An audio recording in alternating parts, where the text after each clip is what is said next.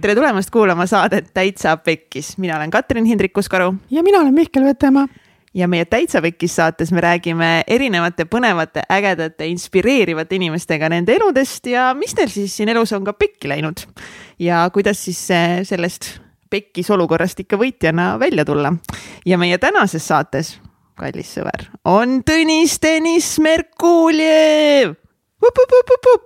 Mihkli eh, uus südamesõber. Ta on mu padi, sõps, sõpa. Täiega sõpa on. aga kes ei tea, kes on Tõnis Tõnis, siis Tõnis on äh, investeerimisklubi äh, kaasasutaja, ta on suur visionäär ja investeerimisfestivali üks äh, korraldajatest. ja investeerimisfestival on siis üks Baltikumi suurimaid investeerimisega seotud sündmusi üldse. Ja olles ise ka siin käinud investeerimisfestivali, võin öelda, et tõesti on tasemel, tasemel märk. ja tegelikult Tõnis juba noorena alustas enesearenguga hakates juba põhikooli lõpus vist hullult mingi mm -hmm. rampse lugema ja The Secretit vaatama ja, ja siis alustas ka investeerimisega väga noorelt ja, ja vahepeal käis sõjaväes ja siis läks ülikooli õppima rekreatsiooni, jah, rekreatsioonikorraldust. ja samal ajal ühe aastaga läbis ta ka kaheksateist erinevat koolitust, sealhulgas mingi metsamajandus, traktori juhiluba, lasteaiakasvatajate portfoolio tegemine ja nii edasi. ta pani lihtsalt nagu mega hullu, et kui see vend midagi ette võtab, siis see läheb nagu lihtsalt. Mm.. ja kaks tuhat seitseteist aasta novembris ta korraldas ka ülemaailmset investeerimiskonverentsi World Wealth Creation Conference see toimus Singapuris ja seal osales kokku ligi tuhat viissada inimest. ja see oli vist tolle aja üks mingi suurimaid konverentse. investeerimisega seotud ja, ja.. Ever. jah, sest et... sellega seotud ei toimunud nagu konverentse. ma ei tea, miks, vaata ei taha jagada saladusi. nii et väga ja. põnev mees ja väga palju tegelenud sisemaailmaga, aga enne seda, kui sa saad Tõnise sisemaailmast kuulda, siis kui sulle meeldib, mis me teeme kui sa tahad muidugi toetada, mõtled, et mine pekki nagu need tüüd ikka nii toredat asja teevad. ja ja, ja, ja lisaks annavad mulle ka nagu häid mõtteid ja elule võib-olla nagu sihukest värsket perspektiivi. siis uh,. perspektiiv, voh. jah, uh oh siis äh, sa võid alati tulla meie toetajapereliikmeks äh, täiesti juhuslikult, lihtsalt praegu on võimalik. jah, praegu on avatud juhuslikult praegu on avatud, võtame toetajapereliikmeid vastu yeah.. Patreon.com kaldkriips äh, täitsa pekkis ja kui sa ei tunne, ei tunne, kui sa tunned, et sa ei taha seda teha, siis see on ka mega okei okay., mina ikka armastan teid kõiki. ning mis on väga-väga oluline meile, kui see saade puudutas sind, siis jaga seda vähemalt ühe oma sõbraga kas Instagramis, Facebookis või kuskil mujal, et ikka Tõnise sisemaailma teadmised ja avastused jõuaksid kõikide inimesteni. ja, ja kusjuures ma arvan, üks eh, tore asi lisaks sellele, et sa saad meid toetada Patreonis, siis eh, näiteks Patreoni liikmed saavad ka meie seminaridele päris eh, toreda eh, soodustuse. Et... mõned nendest kümme sealt said isegi täitsa ootamatult tasuta pileti. ja kinkisime kümnele Patreonile tasuta, nii et jah, tasub nagu ka noh, selles mõttes nagu mingite enda hüvangute pärast tulla Patreoniks, et on, on nagu lootus saada head kraami ja meil siin väiksed merch'i asjad tulemas Patreonidele ilmselgelt. väga aeglasel tempol rahu, rahu, ärgem, ärgem tõtakem, rutakem. mine vaata meid Youtube'is, meil on siuksed, pärast kolmeaastast saime hakkama täitsa pekkis kruusidega. et jah, ja ka siin särgid. kust kohvi juua? kohvi, vett, mis iganes noh, whatever floats nagu veini Vei-, kõike, aga meie täitsa pekkis transformatsiooniseminar kolm punkt null, kuusteist oktoober online tasub tulla, teemaks siis seekord minu uus identiteet ja meil seal siis kümme ägedat inspireerivat esinejat, sealhulgas siis Ants Rootslane, Dali Keter-Karat, Maren Annabel Kubri, Epp Kärsin, Seram Saks, Katre Kulbok, mina kaks üllatusesinejat, Mihkel Vetemaa juhib päeva. ja pärast veel White Party koos DJ Planeediga ja tantsime ja mediteerime ja viime enda, enda kuradi asjad järgmisele tasemele, aitab siin sussutamisest nii et kui tahate lisainfot veel, siis eh, Facebookist eh, meie lehelt eh, leiab veel täpsemat informatsiooni festivali kohta ja. festival, just täpselt, meil ei ole enam seminar, meil on nüüd siis nagu festival no,. festival. me võime kõik kujundused ümber teha. ning lisaks siis piletid saab osta täitsapekkis.ee kaldkriips seminar. ja, mine pane hullu head kuulamist. head kuulamist. Tere tulemast saatesse, Tõnis. poisid proovisid panna siin mind riimi kütma, aga õnneks ma kats kuttis kohe ära, tõmbas saate käima selle asemel, et riimi teha. Nagu korra, korra siin majja, sest meil on täna ikkagi siin olulised teemad vaja arutada, onju, nii, jah. What's up, Tõnis? tšau-tšau uh,, what's up? väga lahe. väga lahe väga lahe tead, me mõtlesime, et seekord eh, me nagu tõmbame kohe sae käima, Tõnis, et me ei lase sul siin nagu niisama istuda, et ähm, kui sa olid äh, väga noor, kui sa olid kooli ajal veel, kooli ajal veel, mis ma mõtlen, ma mõtlen sõnad välja. kui sa olid kooli ajal veel kooliaegne, kooliaeg. ei, ei, ma jään kindlaks endale, kui sa olid kooli ajal veel, siis äh, sa mingi hetk äh, läksid päris sügavasse auku ja arvasid, et maailm hakkab otsa lõppema. mis värk sellega oli kust sa seda tead täiesti Aha. ootamatult lihtsalt tean sinu kohta asju. väga palju ei ole sellest rääkinud muidugi. okei okay,, maailm hakkab, põhimõtteliselt see on küll väga huvitav lugu. mingi hetk oli selline periood mul elus, kus ma väga palju tahtsin kõike maailmast teada saada, nagu ikka kõik noored ei siis..., kindlasti mitte kõik mm, noored ei olegi, ei ole. Pole keegi tahtnud lihtsalt teada saada, mis veel võimalik on. jah, ei, mina näiteks küll ei tahtnud. ei tahtnud jah? mul nagu jah. aga mina ikka tahtsin teada, mis veel võimalik no, on ja mis maailmas toimub ja. ja mis värk selle maailmaga on ja kes olen mina ja kes on teised inimesed ja ja siis ma sattusin sellisele huvitavale saidile nagu Vanglaplaneet, kas te teate, mis on Vanglaplaneet? ei, ilmselgelt ei tea. ei tea, ei tea. aga seda enam ei ole, on ju? on küll. on, sa vaatasid järgi? jah, on olemas nagu selles mõttes, et ta, kas ta on olemas või ta on ka nagu tegutsev? Äh, vist nagu on tegutsev ikka, jah. igal juhul Tundus. seal oli väga palju huvitavaid dokumentaalfilme ja siis ma mõtlesin, et peab vaatama, et äh, need kõik dokumentaalfilmid läbi.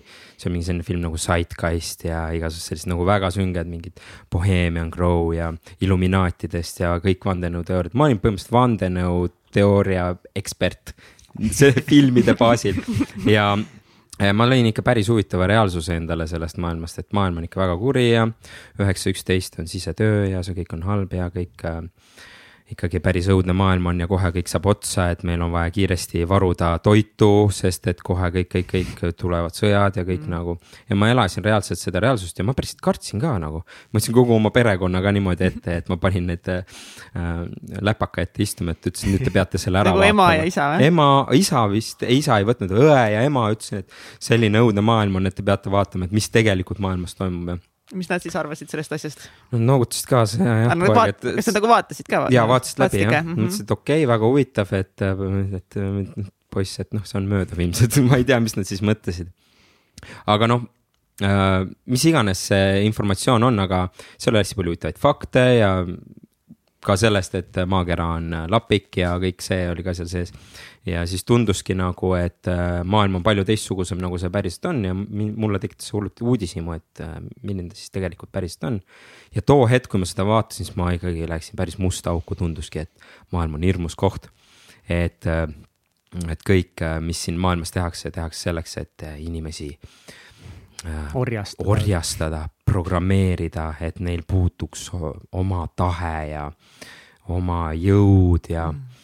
et neile tuleb sisse toota E kuus, kaks, ühte naatriumglukamaati, et neil oleks pidevalt toidusõltuvused ja siis äh, neile tuleb hästi palju alkoholi sisse joota ja, ja et väga õudne, kõik on hästi õudne.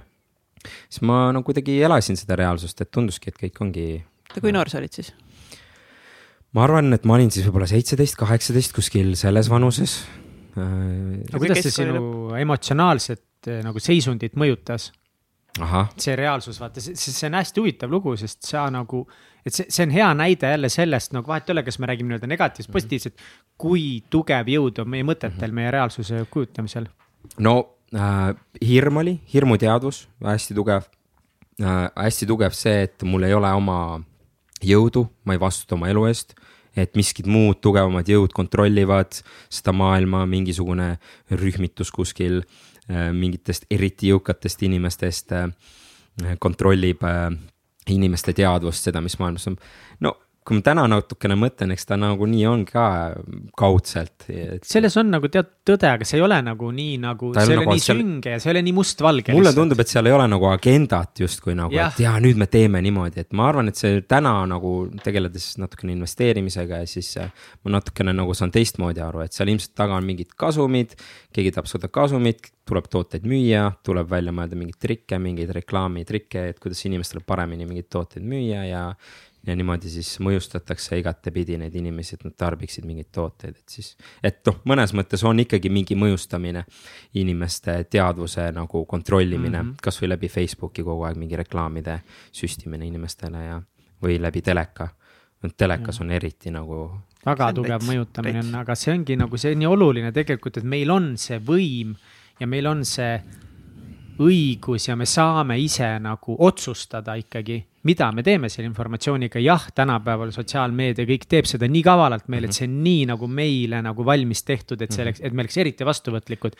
aga ikkagi, meil on omaenda jõud. kuidas no. sina avastasid või kuidas sa said aru, et, et äh, sa pead sellest kuidagi välja tulema või muutma oma elu või, või kuidas see sinu jaoks läks? no võib-olla täielikult, kuidas mina nagu sain aru, et minu, mina ise loon oma reaalsust ja minul on tegelikult võim võtta vastutust oma elu eest ja teha nii asju, nagu mina tahan ja nagu õigeks pean.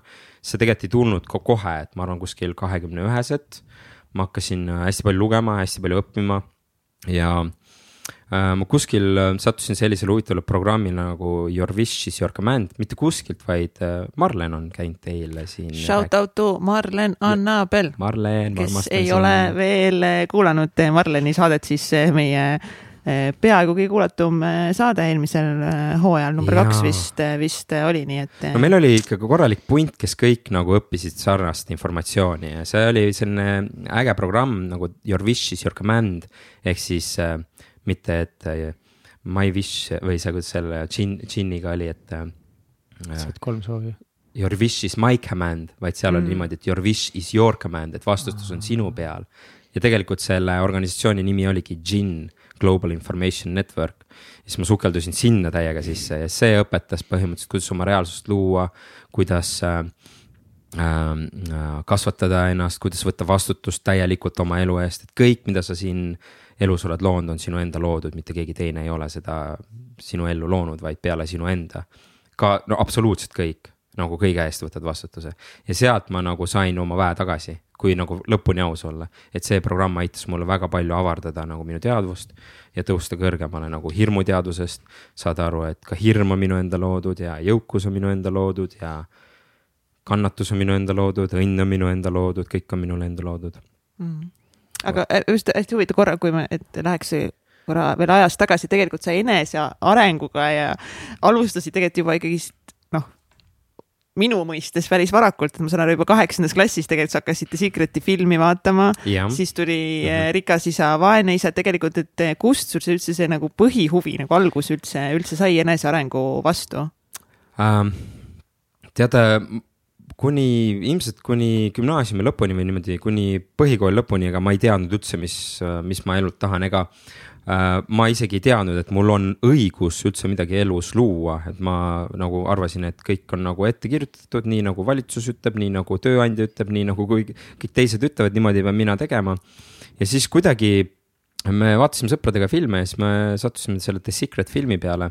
see vist kaks tuhat kaheksa, kaks tuhat, võib-olla ei olnud, võib-olla isegi varem, kaks tuhat kuus vist kuskil seal ja, äh, ja siis äh, hästi paelus see film kuidagi nagu avardas, eks noh, selles filmis on mingeid kohti, mis äh, nagu on vaieldavad täna, kui mm. ma mõtlen, et see on poolik informatsioon, mis seal on, et on palju nagu äh, nagu sügavamat informatsiooni, mis avab manifesteerimist ja reaalsuse loomest kui see film, aga ta andis nagu tõuke mm, -hmm. ahah, et näed, et mis iganes sa elu, ellu soovid, et sa saad ise seda luua ja siis ta pani mind käima kuidagi. Ja siis ma vaatasin ühe korra läbi, mul läks täiega põlema, siis ma läksin koju, vaatasin teise korra, kolmanda korra.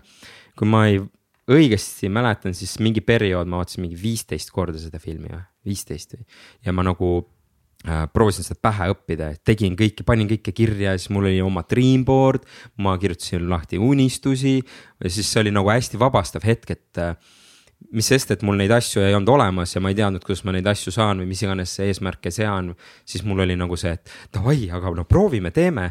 et väga, ma olen väga tänulik, et nii noorelt ma sellega ja. pihta. aga mis sul, mis sul mingi see Dreamboardi peal näiteks olid või millest sa siis tollel hetkel unistasid, et mis, mis see sinu reaalsus võiks siis olla? ma olin ikka väga materiaalne, nagu ikka palju pappi, trenni, võiks olla uhke auto, ikka uhke kodu, Lamborghinid mm., kõik hästi selline materiaalne, et mul peab olema ja kuueteistaastase kohta või midagi sihukest on ju, vanasel võisid olla võib-olla nooremgi, et see on suht normaalne ka mõnes mõttes. ja ikka ja, et see ju peab olema elus. ei oska seal nagu tahta mingit. aga mis selle noh, Dreamboardiga üldse huvitav, et ma tegelikult tegin kaks korda Dreamboardi ümber.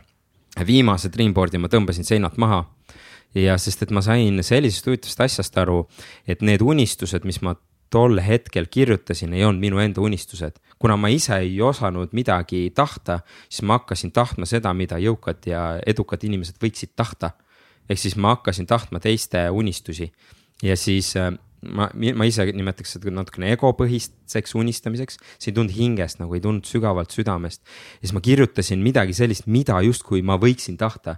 siis ma tundsin nagu ennast tegelikult äh, mitte väga õnnelikuna nagu, et hästi kuidagi hästi egopõhine, et tahan nagu mingeid asju saada. siis ma nagu kaotasin igasuguse sideme ära oma unistustega, mul oli mingi eesmärk, et a la ma pean saama kaheksateistkümne aastaseks miljonäriks, vaata. ja siis, kui ma kaheksateistkümne aastaseks miljonäriks ei saanud, siis mulle tundus, et nagu mis mõttetu nagu see manifesteerimine ei toimi, et see on täiesti mingi bullshit teema, et see on nagu. ma ju tahtsin vaata, ma ju panin kõik unistused kirja, tegin Dreamboard'i, ma ju pidin selle saama, aga ei saanud, siis mul tekkis selline nagu kriisimoment. ja siis äh, ma siis kuidagi teadvustasin seda, et kuule, et aga vist nagu ei tulnud päris õigest kohast, aga seda ma sain hiljem aru, kui ma nagu hakkasin aru saama, et on nagu mingi noh, et on olemas erinevad kohad, äh, mis kohas sa saad taotlusi seada. üks koht on see, et sa saad seada taotlusi südamest ja teine on mõistuse põhja, põhjal nagu. ja siis enamus unistusi, mis mul olid, olid mõistuse baasilt, mul puudus igasugune tunne. noh, no näiteks äh, lõpp, noh hiljem, kui ma õppisin rohkem nagu reaalsuse loome kohta, on see, et sa ei saa seda, millele sa mõtled, vaid seda, mida sa tunned enamus oma ajast nagu on, öeldakse, et uh, you become what you think about most of the time mm. -hmm. tegelikult on nagu see you become what you feel the most of the time okay,. Okay. ehk siis, uh, kui sa mõtled, et aa, ma tahan saada nagu jõukaks või ma tahan rikkaks saada. ja tegelikult tunned, ma ei ole rikas, mul on nagu halb ja ma ei saa hakkama. siis see, mida sa lood, on see, et ma ei ole rikas, ma ei saa hakkama, mul ei ole seda reaalsust. vaid siis on nagu küsimus see, et aga kuidas ma siis saan luua endale seda, mida nagu ma tahan, et ma tahan luua õnne, ma tahan olla õnnelik. ja siis äh, trikk on see, et äh, sa lood seda, mida sa tunned. et siis tulebki tunda ennast hästi, siis sa lood endale seda head juurde. tuleb tunda ennast õnnelikuna, siis sa lood õnne juurde mitte seda, et mõtled, ma olen õnnelik, ma olen õnnelik, et tegelikult mõtled, ma olen nagu täiesti nagu noh, ei saa eluga hakkama, et siis sa tegelikult lood juurde, et ma ei saa eluga hakkama, ma ei saa eluga hakkama, et need äh, et siis näiteks see küsimus, mis sa alguses küsisid seal, et noh, et kuidas sa tundsid, kui äh, sa selles nagu mustas maailmas olid, ehk siis tegelikult, mida ma lõin sel hetkel oma ellu, oli hirmuteadvus, et veel rohkem hirmu, veel rohkem maailm on veel kurjem, veel nagu raskem. Ja kogu aeg loon seda hirmu, hirmu, hirmu, kuni ma lõpuks sain aru, et aga mida ma tegelikult tahan mitte mida minu mõistus tahab, mida minu ego nagu justkui soovib mingit, äh, luua mingit duaalsust või võrrelda teiste inimestega, olla teistest parem. vaid mida minu nagu hing, minu sügav nagu, minu sisu nagu soovib.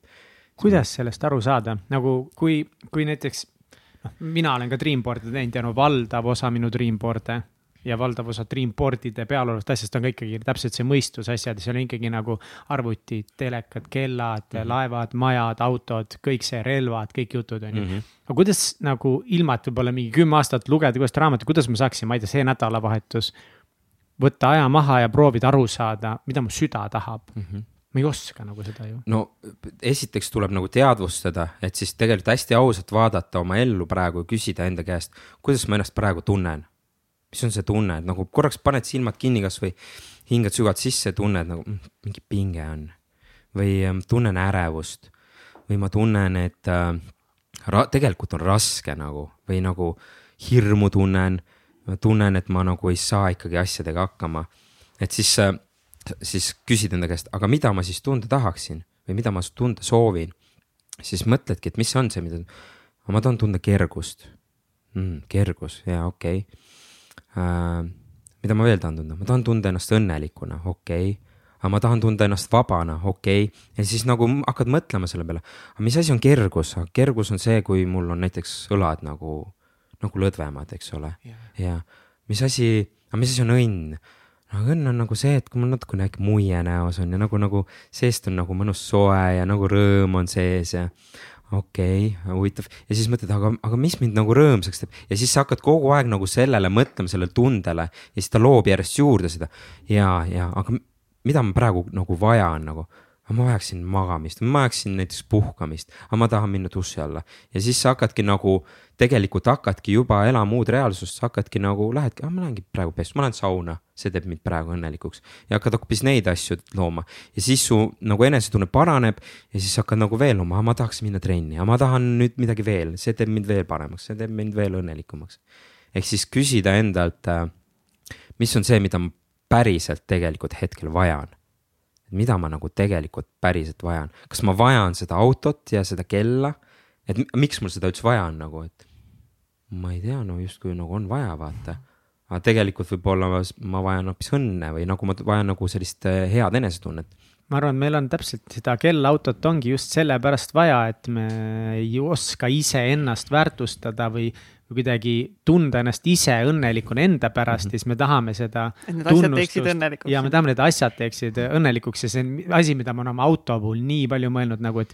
et kui piiri peal ma olen praegu selles, et nagu identifitseerida ennast läbi selle ägeda bemmi, mis mm -hmm. mul on versus nagu proovida lihtsalt vaadata, et jaa, mulle meeldib see BMW, see on mm. tore, on ju. et see teeb mind lihtsalt rõõmsaks, aga mitte, et mina olen see. ja just see on, no see on ego, mis niimoodi soovib, Eckart Tolle ütleb hästi, et kujuta ette, et kõigil on seesama bemm mm. -hmm. nagu absoluutselt kõik inimesed sõidavad sama bemmiga ringi, nagu kas, mis siis on? siis on hea nagu, küsimus olekski kõigil on sama bemm, vaata.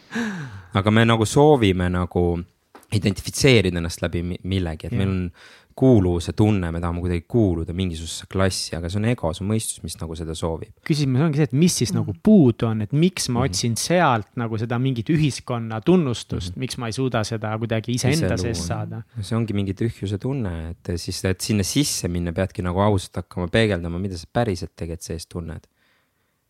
ja, ja tegelikult noh, see läheb kuni selleni välja, et täna just sõbrannaga rääkisime näiteks, et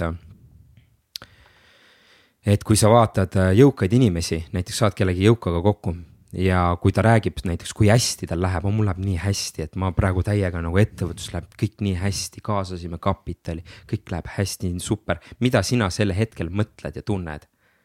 sa tunned, kurat küll, mul ei lähe nii hästi, siis see, seda reaalsust sa endale loodki aga sama, sama hetkel sa võiksid tunda nagu tänulikkust, et vau, et sul läheb nii hästi. Ja olla päriselt kohal, lasta lahti kogu oma mõtete mustritest, kogu oma nagu egost, mis so ütleb, et näed, tema on edukas, mina ei ole, et ma peaksin ka olema miski parem, vaid nagu lähedki päriselt.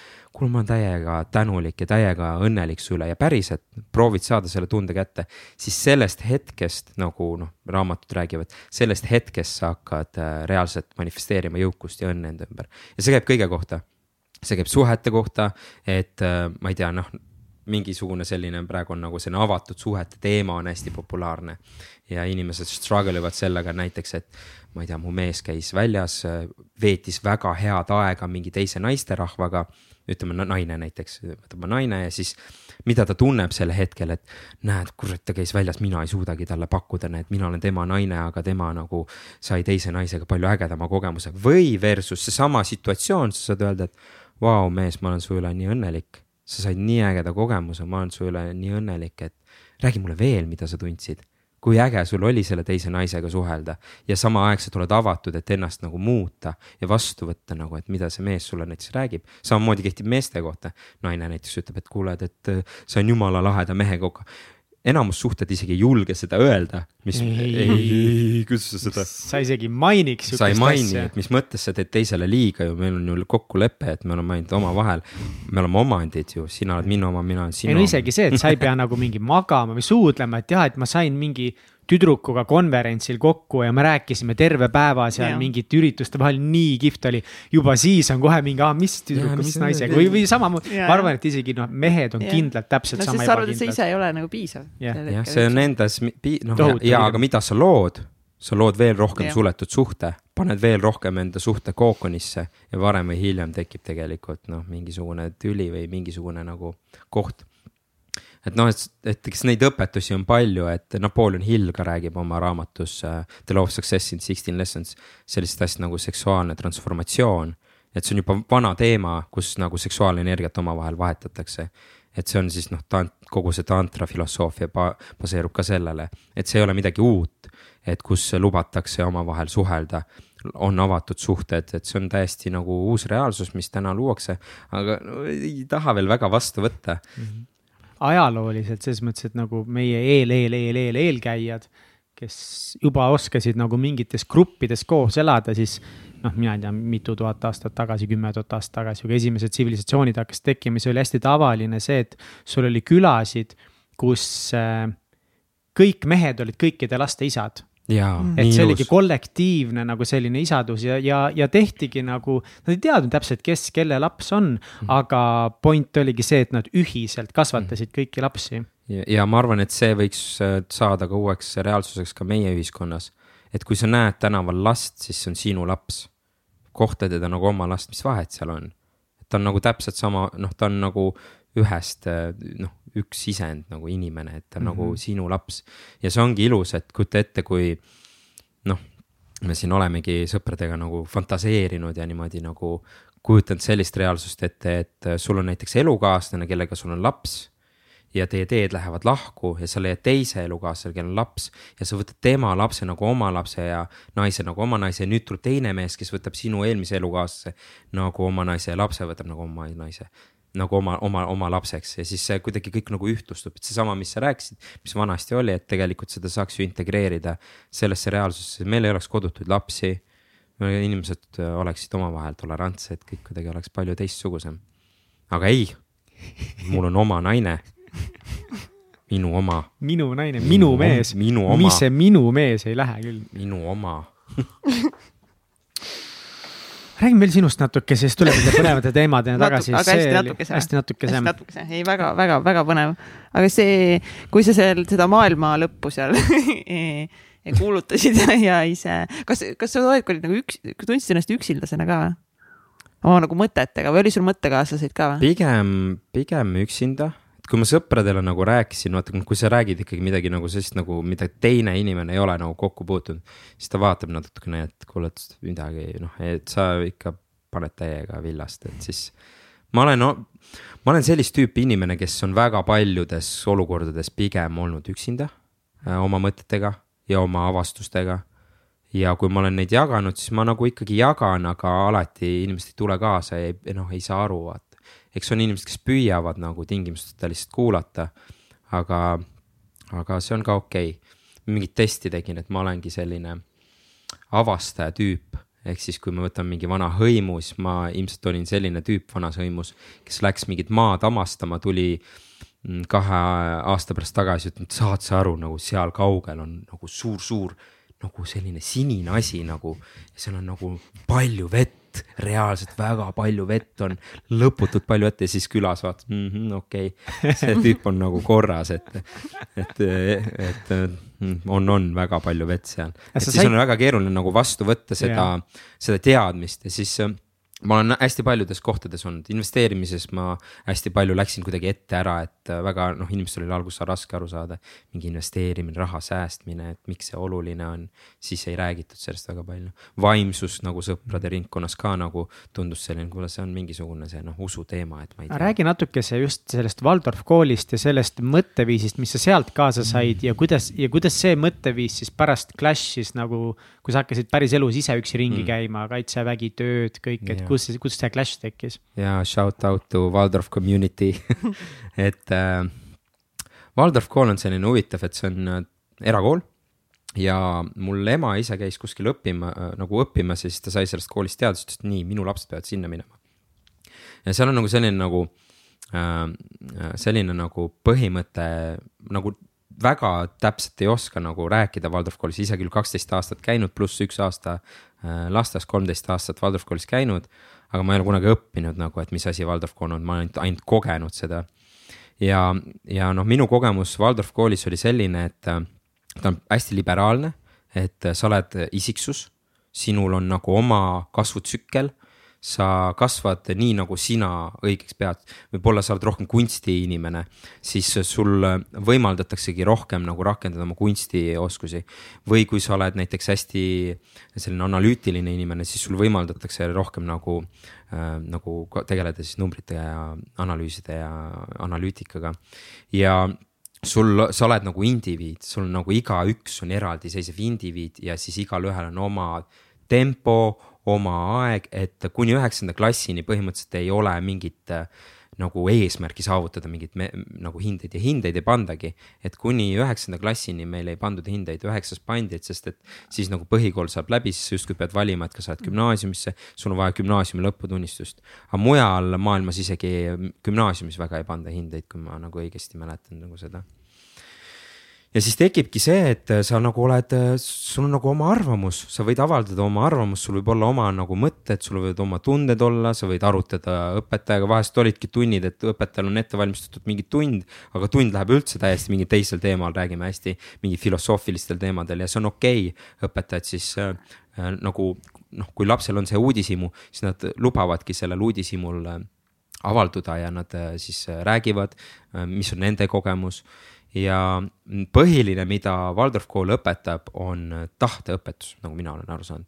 et sa ise oskaksid oma tahet juhtida, oma tahet kasvatada ja et sul tekiks ja läbi tahte tekiks ka distsipliin, et sa midagi tahad, siis sa äh, äh, lähed ja teed seda, teed seda järjepidevalt, et seda saavutada, et sul oleks iseseisev tahtevõime, et sa ise tahaksid midagi ja ise sa hakkaksid selle nimel siis äh, edasi liikuma, et siis kogu see mõte ja filosoofia ongi see, et äh, kasvatada lastes äh, isi, nagu tahet, tahet õppida, mm. tahet äh, areneda, tahet. ja no mis juhtus nagu see küsimus siis, mis juhtus peale seda, oli see, et et noh, maailm nagu ta nagu noh, kui ma alguses läksin sinna nagu päris maailma justkui, et siis mul alguses tekkis nagu väike error, et. et, et, et nagu ei saagi diskuteerida väga nagu teemadel ja ja üli, noh, ma läksin ülikooli edasi õppima ja siis ma istusin selles suures klassis. mis sa õppisid ülikoolis? rekreatsiooni vaba aja korraldust ja siis põhimõtteliselt me nagu oma, omakeskis ütlesime, et me õppisime, kuidas hästi pidutseda professionaalsed pidutsejad. ma olen ise ka Tallinna Ülikoolist ja palju aega ma veetsin, ma käisin seal trampoliini vabaaines, mis äh,, ei sorry, ma, sa õppisid Tartus seda või? Tallinnas ikka, ikka Tallinnas jah mm. -hmm. ja, ja siis seal Tallinna trampoliini vabaaines, mis oli mu lemmikaine läbi ülikooli seal hästi palju neid rekreatsiooni omasid, erinevaid aastakäike. ja kõigil oli mingi suht sarnane nali, et ei, me õpime, kuidas nagu looduses chill ida või me õpime, kuidas ju, aga nagu ülilahe, see oli kihvt, kihvt eriala. see oli tõesti ja me käisime palju matkamas ja mm, -hmm. aga no mis seal oli teistmoodi, oli see, et kuigi õppejõud väga tahtsid, et äh, toimuks mingi diskuteerimine, aga ma olin põhimõtteliselt ainukene mingi, tõstsin käe, jaa, ma arvan niimoodi ja siis mingi hetk tekkis nagu see, et miks ma nagu üksinda nagu siin õpetajaga nagu tekitan arutelu. ja siis vaatasin pilke, kõik nagu istuvad kuidagi, kuidagi oli nagu selline üksik oli olla niimoodi küsida ja arutleda ja tekitada arutlust, auditooriumid on suured mm.. aga ma siis ikkagi istusin seal ees pingis täiega huvitav, tahtsin nagu arutleda, tahtsin nagu diskussioone tekitada ja, ja mingi hetk nagu tundus, et nagu kuidagi ebamugav on niimoodi. kui keegi ei tulnud kaasa eriti kunagi no, kõik teised ja... vaatavad vaikselt pealt. vaatavad vaikselt pealt ja hindavad, mida sa nüüd ütled, mida, kas sa ütled õigesti ja küsid veel eriti lolli mm. küsimuse ka nagu siis nagu noh, aga õppejõud on õnneks professionaalselt nagu ei ole lolle küsimus, no peakski tegelikult kogu aeg toimuma arutelu, aga natukene tõmbas lukku küll, et noh, et noh, ei taha vaata nagu ka mingi selline nii hullult nagu nagu umbes eputada, vedistada, tekib isegi mingi lollakas, mingi vale häbi, noh praegu vale panen, häbi, jaa, ma panen jaa. sulle sõnu suhu, võib-olla sa ei tunne nii, aga mul tekib seda kuulates kohe see mõte, et. issand, et ma olen nagu, ongi nagu mingi vale häbi, mida ma eputan siin, mis siin kõik arvavad nüüd minust no,, kohe see tavamuster hakkab käima. no hakkas küll jaa natukene ja siis ma tegelikult tõmbasin lukku ennast ja neid olukordi oli palju, kõige võib-olla keerulisem oli kaitseväes. no see seal nagu ma läksin nii davai, hakkame tegema, hakkame nüüd kaitsma asju, vaata, et mis ma tegema pean. ja siis noh, esimene nagu kolm kuud sulle õpetatakse, et sul nagu ei ole nagu põhimõtteliselt üldse oma arvamust, sa pead tegema mm -hmm. nii, mhm. nagu öeldakse no,. ja vot siis mul tekkis nagu identiteedikriis nagu, et mis mõttes minu nagu arvamus ei loegi, mingisugune distsipliin on, kuidas asju peab tegema. mina pean siis nagu kõik selle järgi tegema ja mul oli ikka väga raske see harjuda selle mõttega mm, -hmm. et nagu et see minu arvamus ei loegi no, ma tahaks, et kaitsevägi, jälle sorry, nagu see hästi nagu ma hästi hoolin sellest teemast, kuna ma olen kaitseliitlane ja, ja ma näen seda probleemi ja, aga seal nagu ma ei hakka üldse sellest pikalt rääkima, minu meelest selle asja üks nagu üks võimalik lahendus on see, et kui kõik mehed, kuidas mina siin läksin, see, et keegi võiks kõikidele õpetada, et. Jou, sul on nüüd kaheksakümmend üksteist kuud rollimängu, see on mäng. kujuta ette, et see on lihtsalt üks veider mäng, kus sa praegu oled, siin on ilgelt lollakad reeglid. aga need reeglid, lihtsalt see on selline mäng kuidagi, et no võib-olla see on ka nagu ei ole kõige õigem viis, kuidas seda teha, aga. aga see, see on mäng no, seal. Need, need kaadriväelased nagu..., nendel on nagu neil on põhjusega need eesmärgid ja see ühiskond ei tohiks kindlasti nagu nii toimida, aga mina kuidagi läksin sinna, ma sain kohe aru, et ma olen nagu arvutimängus. mul on mingid eh, quest'id siin, siin on mingid veidrad nagu lõpubossid ja nad karjuvad mu peale ja ma sain kohe kuidagi aru, et see ei ole isiklik, see on mhm. mäng mm. -hmm. ja mingid tüübid minu kõrval nagu ei suutnud see egost lahti lasta, ta karjub mu peale ja noh, ongi kohutav, raske mm, -hmm. kurb aga mul on lõbus kogu aeg, sest. ei no ma sain ka, ma, eks ma ka kohanesin ja ma arvan tegelikult, et see ongi ainuõige viis, kuidas karja mehi sõjas juhtida et noh, seal, seal ei ole nagu aega sul, kuule. mis sa arvad, kas kuule, peaks ründama? siia oleks vaja nagu kaevata kaevik nii sügav, et hobune mahub sisse ja sina mahud hobuse peale seisma ja saaksid sealt nagu lasta selle peale. et nii on vaja nagu noh, ja ei, kuule äkki ikkagi teeme väiksema nagu, milleks üldse meil neid mm. -hmm. nali naljaks, aga, aga sul on vaja lihtsalt asjad ära teha mm. -hmm. ja seal on mingi agenda ehk siis selles olukorras tuleb siis ära teha, et ei ole aega diskuteerida ja siit, selles keskkonnas on see vajalik.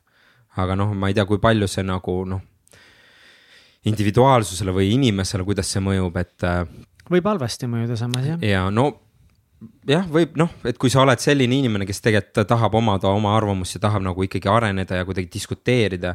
ja pärast seda nagu sul natukene see nagu saab haavata see koht, et sa nagu ei suuda võib-olla ühiskonnas pärast seda nagu taastada seda äh, võimet äh, ise nagu diskuteerida, ise arvamust tuua, et ma nagu olen näinud mehi siiamaani nagu, kellel puu-, noh, muutuvad apaatseks.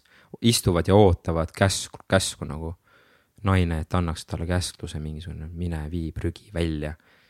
ja siis läheb, viib, et ise nagu ei võta vastutust oma elust, ise nagu ei loo. et ta on nagu nii ja naa, et siis noh, võib-olla nendel inimestel oleks parem kaitseväkke jääda, siis nad saavadki nagu või siis leidagi selline koht, kus ta saabki nagu ennast rakendada aga ma kujutan ette, et päris paljud ikkagi soovivad ise ka nagu oma tahet mm -hmm. omada. no ma loodan vähemalt. aga mis, mis sinu elu edasi tõi pärast kaitseväge ja? mul oli üldse ülikooli ajal see vist päris, päris hullu või? nagu see ei olnud nagu lihtsalt, et sa läksid ülikooli, sa hakkasid mingeid tohutuid vist mingeid kursuseid võtma ja, ja, ja värki ja, ja. mul oli hea huvitav, ma õppisin kaugõppes ja siis esimene aasta nagu mul, mul oli kuidagi nii suur selline avastamise, õppimise soov. siis ma, oli selline nagu tasuta täiendõppekoolitused Euroopa rahade eest. ja, ja siis sa pidid olema kuskil tööl ja siis äh, sa said ennast nagu lisaks juurde õppida ja siis see oli selline koht, kus väga inimesed nagu ei registreerinud, keegi nagu ei, ei tegelenud täiendõpetega. ja põhimõtteliselt ükskõik, kuhu sa ennast kirja panid, sinna sa nagu ka kursusele said. no seal olid ka vägevaid kursuseid. no ja siis ma, ma selle perioodi jooksul käisin läbi kaheksa, aasta jooksul käisin läbi kaheksateist täiendõppekursust nagu näiteks kahel teenindaja äh, kursusel, et kuidas kliente teenindada äh, kahel ettevõtte, alustava ettevõtte baaskoolitusel, äh, matkaradade planeerimine, metsamajandus. Ja kõige põnevam on see, et ma käisin teekatti saamas traktori juhilube saama, selle põhimõtteliselt läksin Põltsamaa, Põltsamaa sellesse kutsehariduskeskusesse ja seal oli siis kursus. istusin maha ja õppisin traktorijuhiks, sõitsin mööda Põltsamaad traktoriga ringi. päris cool, see nagu, võib päris lahe olla nagu.. kaheksakümmend tundi ja sain endale tõhkati, mul on nagu nagu tõhkatt, ma võin nagu sõita, ma ei tea, noh, kõige raskemate veokitega. aga mul oli nagu ema ütles niimoodi, et et poeg, et üks amet peaks sul olema see, mida läheb vaja ka siis, kui on nagu kõik nagu ikka täitsa, täitsa pekkis nagu. et seda ütles talle tema ema ja tema isa ja isale õpetas seda vanaema et. et kui mi... elektrit ei ole, internetti ei ole või mis, mis see tähendab? no kui pekkis? ei ole jah, kui maailmas on, asjad ei käi nii lihtsalt, nagu nad praegu käivad. ei ole elektrit, mis iganes põhjus on, mingi sõda, midagi. et sul on mingi amet, mida sa oskad teha ja mida sa saad nagu siis rakendada, et minu ema oli õmbleja näiteks, et ta nagu õmblejaid läheb alati vaja, eks ma mõtlesin, et traktori, traktorijuhte läheb alati vaja ja kui mul on tõhkatt, siis teiste traktorite vahelt äkki valitakse mind nagu, aga noh. aga ma siiamaani peale seda, kui ma selle tõhkati saan, ma ei ole kordagi traktoriga sõitnud. noh, no tuleb sõitma minna, ma ütleks. jah, aga ma ei tea, äkki läheb. äkki lähme. nii et kui keegi soovib äh, mind traktorijuhiks, siis kirjutage mulle aga põnev. mis olid sinu esimesed töökohad? Äh, minu esimene töökoht oli see, et äh, kuna ma hästi palju õppisin just seda, kuidas äh, oma elu luua, lugesin palju raamatuid koostöö kohta, unistamise kohta, eesmärkide seadmise kohta, investeerimise kohta, siis ma töötasin lastekeskuses lastega, et ma tegin lastele selliseid vägevaid Äh, harjutusi, kus nad said omavahel äh, koostööd harjutada. ja siis ka lastekeskuse töötajatele tegin ka väikseid selliseid kursuseid, kus nad said oma eesmärke ja unistusi seada oh.. ise, ise nagu noh, noor mees pole ühtegi põhimõtteliselt eesmärki veel saavutanud, aga ma vähemalt teoorias olin tugev siis, siis sel hetkel. ja, ja peale seda ma läksin kaitseväkke ja peale kaitseväge äh, ma läksin teenindajaks, et ma olin teenindaja äh,. Väga hea teenindaja olin enda arvates, et hästi hooliv äh,. väga hullu, noh, mulle nii meeldis klientidega suhelda, et noh, ma olin see awkward äh, teenindaja, kui sa istud niimoodi, et nagu. siis noh, seal kuskil kohvikus ja mõtled, et see on see awkward teenindaja, et ma ei tea, et siis ma olin see tüüp nagu. siis tuleb, hakkab jutustama ja, ja, no, on no, hästi kuidas, rõõmus. ja hästi rõõmus, hakkab jutustama, no kuidas teil läheb ja mis teil toimub ja ise hullult nurrun tippi vaata nagu enam-vähem ikka proovin nagu, ei no ma olin jah selline, küsisin, kuidas läheb ja mis te teete ja mingid, kui mingid probleemid olid, meil oli üks situatsioon, kus kliendil oli äh, uss oli selle ehtsalati peal siis mingeid selliseid olukordi mulle nagu proovisin hästi empaatiliselt lahendada. mis Waldorf kool veel mulle on andnud, on empaatiavõime nagu, nagu kogeda teiste inimeste tundeid, mõtteid. siis ma olen nagu selline maailma parandaja tüüp, et nagu, et kui kellelgi nagu pahasti, siis ma nagu proovin seda nagu, võtan hästi enda peale seda kogemust ja kogen ka seda, et ahah, okei okay,, sul on nii. ma pean siis seda kuidagi lahendama, et siis ma, see teenindamises on see kusjuures väga hea. päris koormav on, et pikalt, pikalt ei saa seda teha, sest et noh, põled läbi. kui kogu aeg teiste koormust kannad, aga, aga see andis hästi palju juurde, siis ma olin seal vahetuse vanem. ja peale seda ma läksin äh,, peale seda ma läksin müüki ma mhm. kaub-, kaubanduskeskustes müüsin aga kas mm. sa hakkasid juba selle, nagu ma olen kuulnud vähemalt jutte, no ma pole kunagi teenindanud olnud, aga ma saan aru, et teenindajatel on ikkagi väga väikesed palgad. aga kas sa hakkasid juba siis investeerimisega tegelema? jaa hakkasin küll, ma juba, ma hakkasin investeerimisega tegelema tegelikult juba enne, kui ma kaitseväge läksin. siis ma olin kaitseväes, olin see tüüp, kes istus, luges investeerimisalaseid raamatuid, siis kõik käisid, mis, mida sa loed siin, no see on rikas isa, vaene isa või see on rahavoo kvadrant või see on, kuidas investeerida või. aga on... paljude point võib olla see, et aga nojah, aga noh, sa ei teeni üldse mingit rahagi, et mis, mis mõttega sa investeerid, sul on nii vähe raha ju. no enam-vähem nii ongi jah, et mul ei ole raha, ma milleks, mind huvitas see, sest et no Robert ütles, et see on vasak kvadrant ja parem kvadrant, et on vaja olla paremas kvadrantis, ma ütlesin jess boss ma lähen paremasse kvadranti ja siis hakkasin uurima, kuidas siis minek toimub ja. et ma ei tea, kui keegi ei ole lugenud, siis enamus äh,, enamus, kes tegelevad investeerimisega minu tutvusringkonnas on rikas isa, vaene isa lugenud ja nad on sealt alustanud ka nagu, et et siis, äh, ja siis ma hakkasin nagu uurima, et mis veel ja mis veel on ja siis ma äh, ma sain aru, et mul peavad olema investeerimisteadmised, võib-olla, kus ma väikse errori tegin, pekki panin omadega, oli see, et ma püüdsin üle hüpata sellest ettevõtluskohast ja kohe investoriks saada. et ma arvan, täna nagu see oli väike viga minu puhul, et ma oleks võinud ettevõtjaks saada. et palju lihtsam on saada ettevõtjaks ja siis investeerida kapitali, mis saad läbi ettevõtluse teenida, kui kohe hakata nagu oma säästudest investeerima. et siis tegelikult noh, seal kvadrandis ütleb ka, et kvadrandis pead liikuma läbi kõikide nende osa ehk siis töötajast.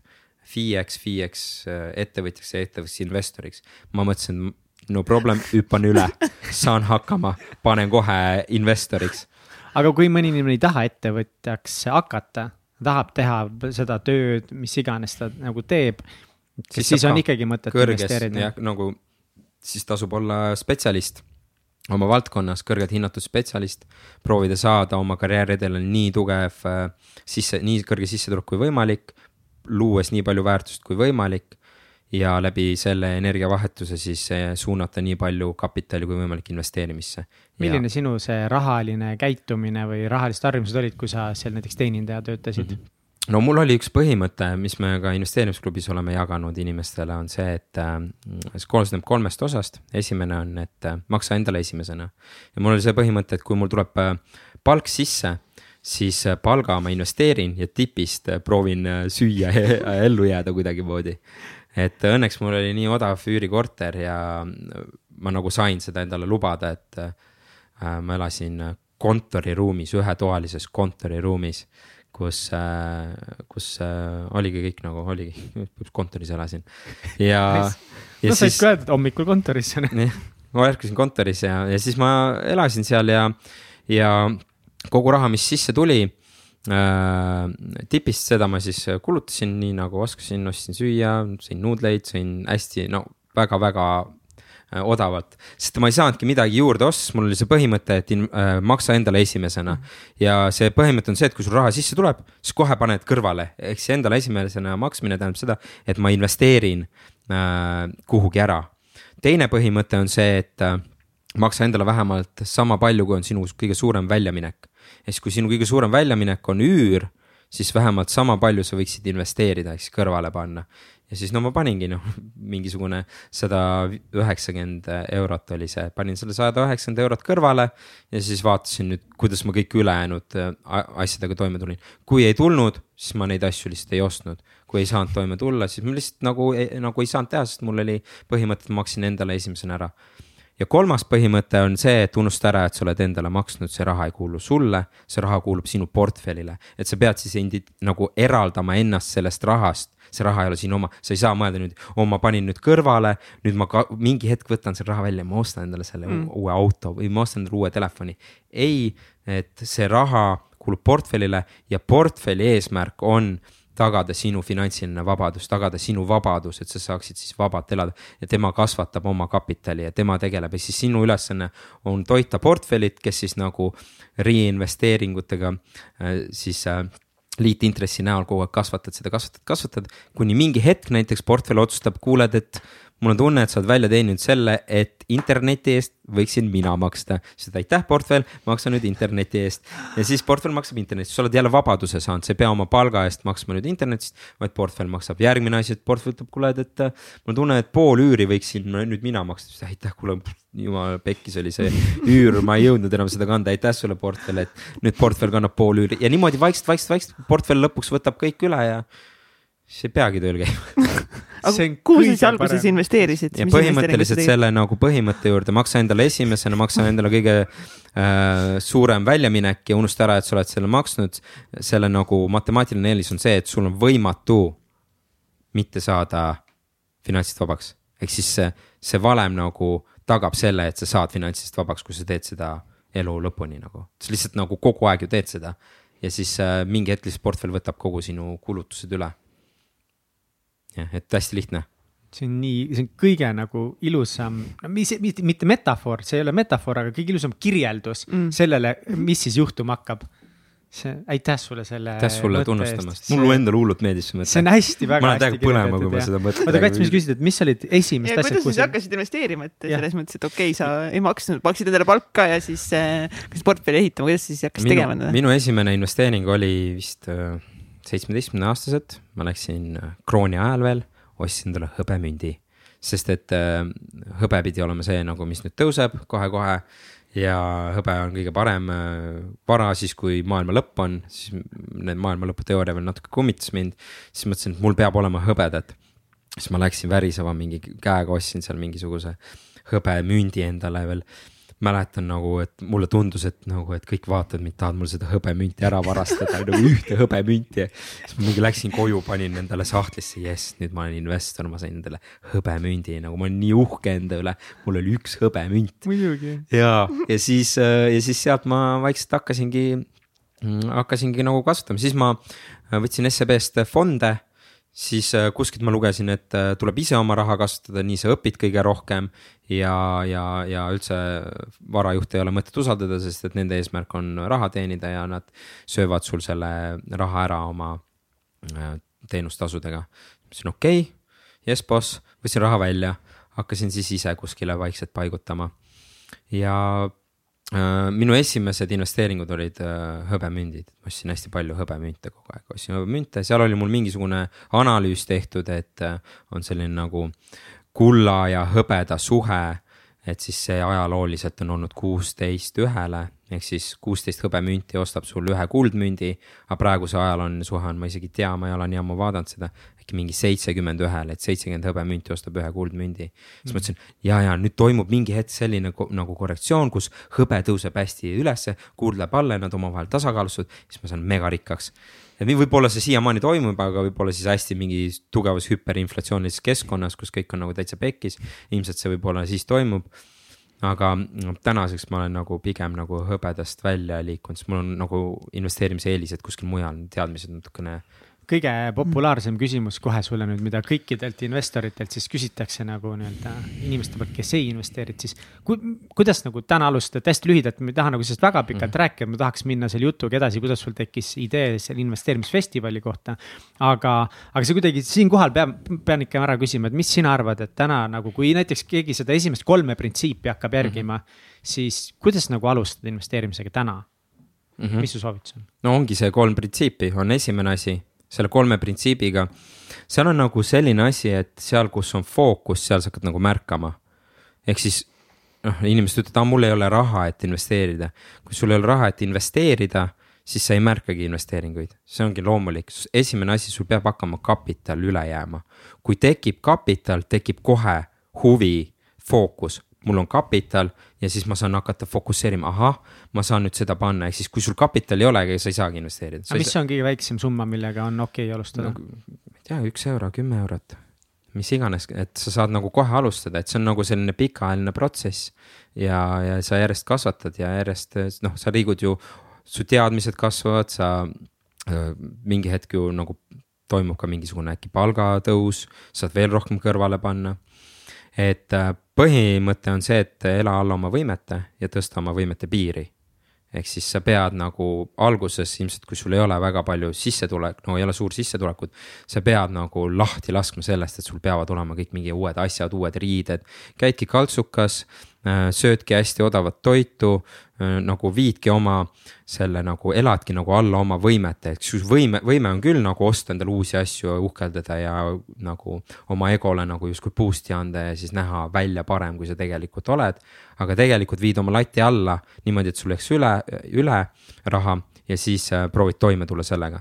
ja siis järjest vaikselt tõstad seda piiri, et noh, nüüd ma enam ei söö nuudleid, äh, neid kõige odavamaid, nüüd ma ostan neid Knorri nuudleid, natukene kallimaid nagu. ja siis no nüüd ma, nüüd ma Knorri nuudleid söön, siis ma hakkan kartulit äkki sööma. no aga siis sa natukene kogu aeg tõstad, et äh, seda mugavuspiiri, aga mitte niimoodi, et ma olen nüüd tegelenud mingi viis aastat investeerimisega, nüüd ma võin endale lubada.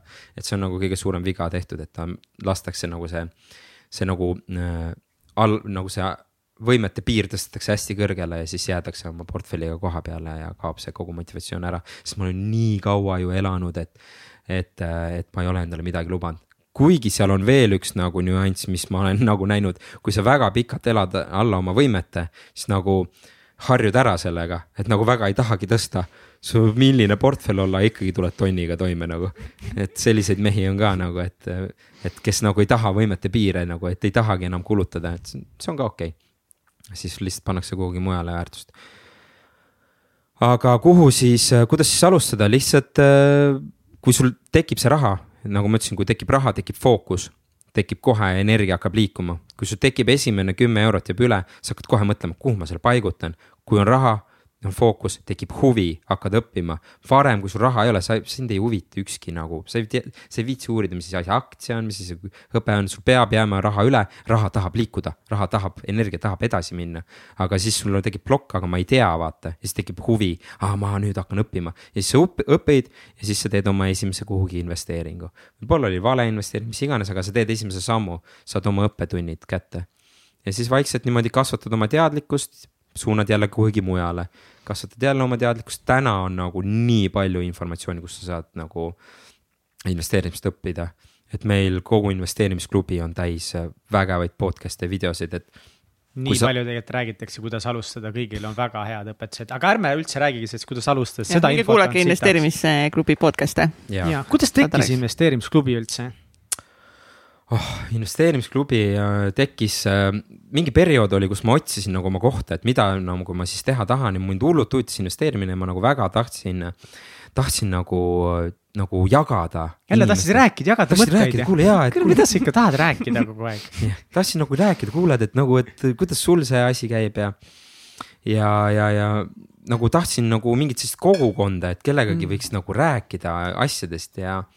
Ja siis mul oli see nagu väga positiivne kogumis kogemus sellest džinnist, kus meil oli hästi tugev kogukond, mis üksteist hoidis, siis sellest, selle inspiratsioonist ma sain, kuule, aga võiks olla ju investorite kogukond, kus me koos õpime, investeerime, jagame, arutame.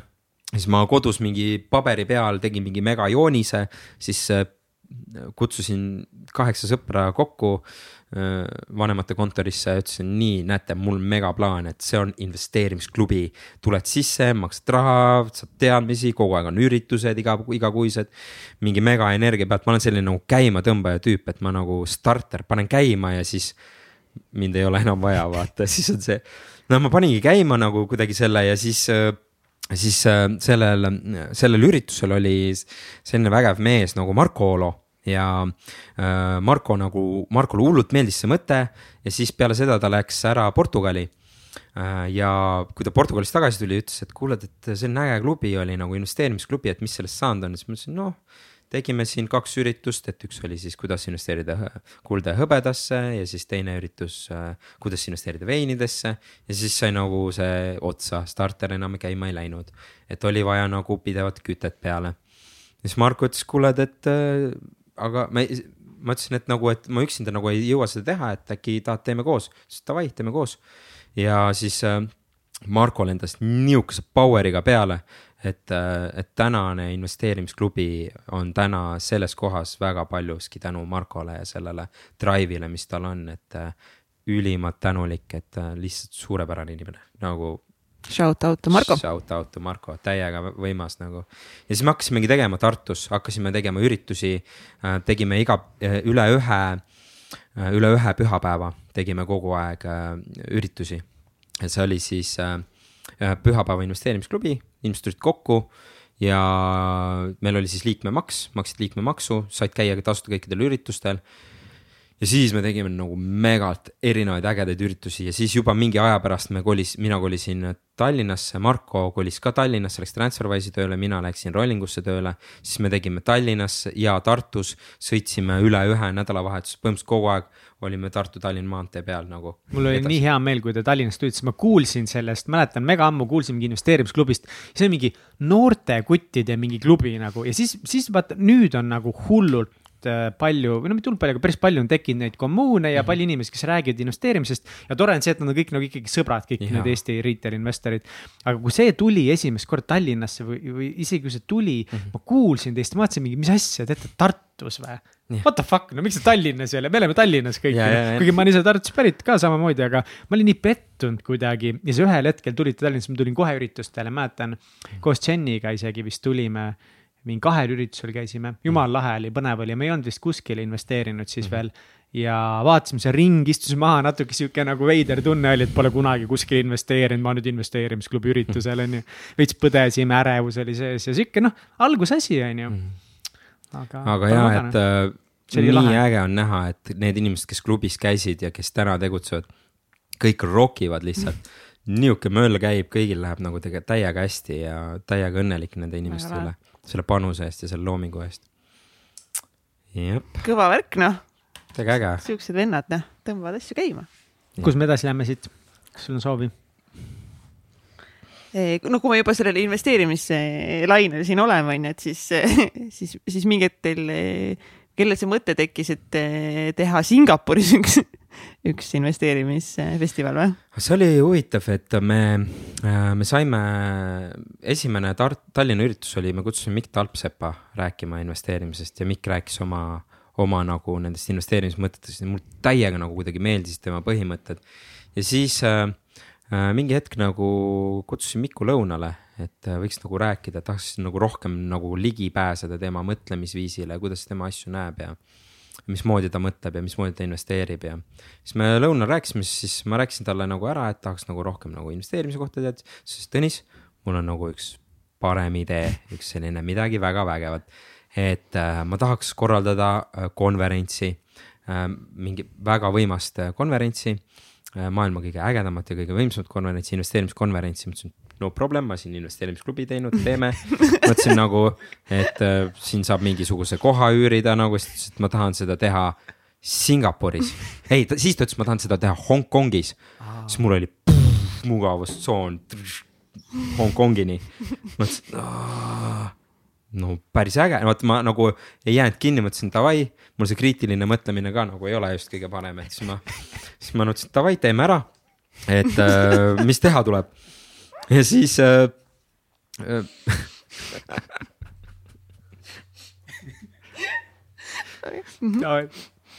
kütame. kütame edasi, kütame ja siis, äh, ja siis Mikk rääkis, et, äh, et, et teeme ja siis ega, ega mina ei teadnud, kuidas seda teha. ja Mikul oli nagu väga-väga võimas plaan ja siis ma ütlesin, okei okay,, teeme. ja siis mul just juhtus nagu töökohas äh, selline asi, et ma nagu natuke vähendati mul siis palka ja mulle nagu see ei meeldinud, ma mõtlesin, et nagu võiks natukene kõrgem palk olla, et ma olen ikkagi päris hea müügimees ja et noh, mulle see asi ei sobi. Läksin siis juhtkonna nagu juhi juurde jutule, ütlesin, kuule, et selline mõte on, et ma tahaksin kuu aja pärast ära minna, et mõtlesin nagu olen kaval nagu natuke mõjutan, et nagu, et äkki ütleb, et oo ära mine, et paneme sulle tagasi selle palga ja need tingimused, mis sul varem olid, siis. siis ta ütles mulle selle peale, aga miks kuu aja pärast, äkki sa lähed kohe mul oli niimoodi, Anio võib ka või, niimoodi nagu stab. siis mõtlesin, no okei okay.. Called your bluff. jah, ja all in vaata, põmm. aga, aga mine siis, siis mõtlesin, okei okay,, ma siis lähen, vot see hetk oli nagu see, okei okay,, ma lähen, aga ma ei teadnud, mida ma edasi teen. ja siis kuidagi ma olingi nagu, mul kuidagi universum mängis jälle kätte, põmm, vaba. Läksin siis äh,, Mikuga rääkisime, ütles, et mul oli veel üks, üks nagu võimalus vahepeal seal laual et äh, ühte teisse ettevõttesse ja, ja, ja seesama ettevõte, kus mind lahti lasti nii-öelda või noh, me tegelikult kokkuleppe põhjal lõpetasime ära koostöö, siis sama ettevõte pakkus mulle pärast sellesama juhi ametikohta mm.. aga. universum tagasi. aga siis, äh, siis ma, siis ma said Mikuga kokku ja otsustasid, et Singapuri asi tundub ägedam. ja siis mõtlesin, et davai, Mikk, teeme, ma ütlesin, et davai, teeme ära. jabur, no enamus inimesed oleks selle peale küll kohe lukkunud, ah Singapur. ei olnud, Hongkong oli siis. aa, see Hongkong nagu võimatu, mis asja, me ei ole mitte keegi, me ei ole kunagi üritusi niimoodi teinud, mis noh. kuidas me saame kedagi üldse. ja just, just, just ma mõtlesin, et teeme ära nagu selline väljakutse oli. ja siis noh, Mikk vajas ka nagu sellist tuge ja siis me koos nagu megaenergiaga hakkasime siis seda looma kolm aastat lõime seda üritust iga päev. kolm aastat? kolm aastat. oli see eeltöö? eeltöö oli kolm aastat sellele üritusele. iga päev tegime, möllasime.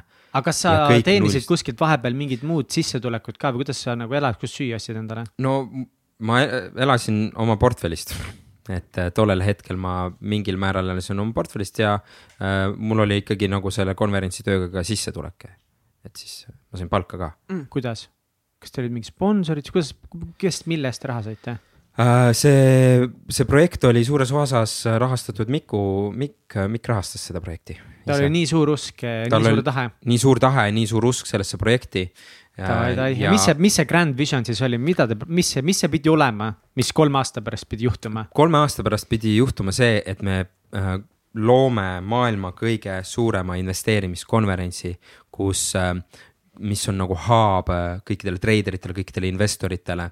et äh, mis noh, mis on nagu must go konverents ja kus nagu on kõik top äh, varajuhid, kõik top investorid, kõik top esinejad on seal kohal. ja sa tuled lihtsalt ja sa õpid ja, ja siis sa saad neid teadmisi. kaks nobody't Eestist kaks nobody't Eestist.